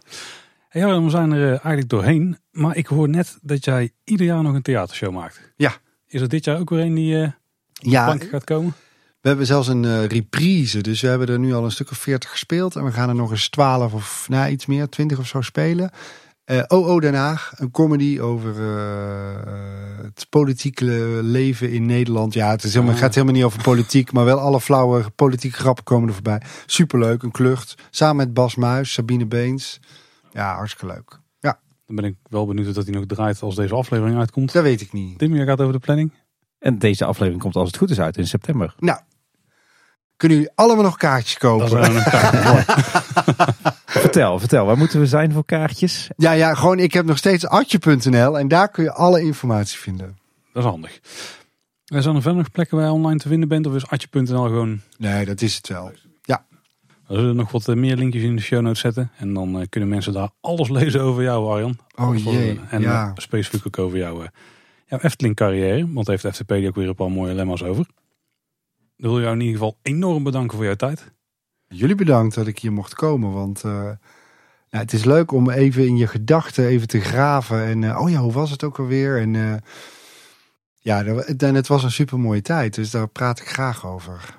Ja, en, en nogmaals bedankt voor die vier mooie jaren die je mij geboden hebt met mijn Nou ja, Efteling ik vrienden. herinner jou nog echt heel goed dat jij als slungel zo achter ons aanliep. Ja, dat was heel grappig om te zien. Ja, En ook schattig. dat moet ik geweest zijn. Ik heb het alleen van horen zeggen. Ja. En als luisteraars eh, ons nou willen volgen, dan kan dat op eh, heel veel verschillende plekken. Als je naar onze website gaat, kleineboodschap.com, en je tikt daar dan slash volgen achter. Dan kom je op alle plekken of alle social media kanalen waar dan te vinden zijn. Die staan dan mooi op een rijtje. Ja, en wil je reageren, dan eh, kan dat ook op onze website. Op eh, kleineboodschap.com vind je namelijk ook het contactformulier. En je kunt ons ook ouderwets mailen op info.kleineboodschap.com. Ja, luister je natuurlijk via je favoriete podcast app, op de website of via Spotify. En op sommige plekken kun je ook een reviewtje achterlaten. En als je daarna doet, kunnen we het enorm waarderen.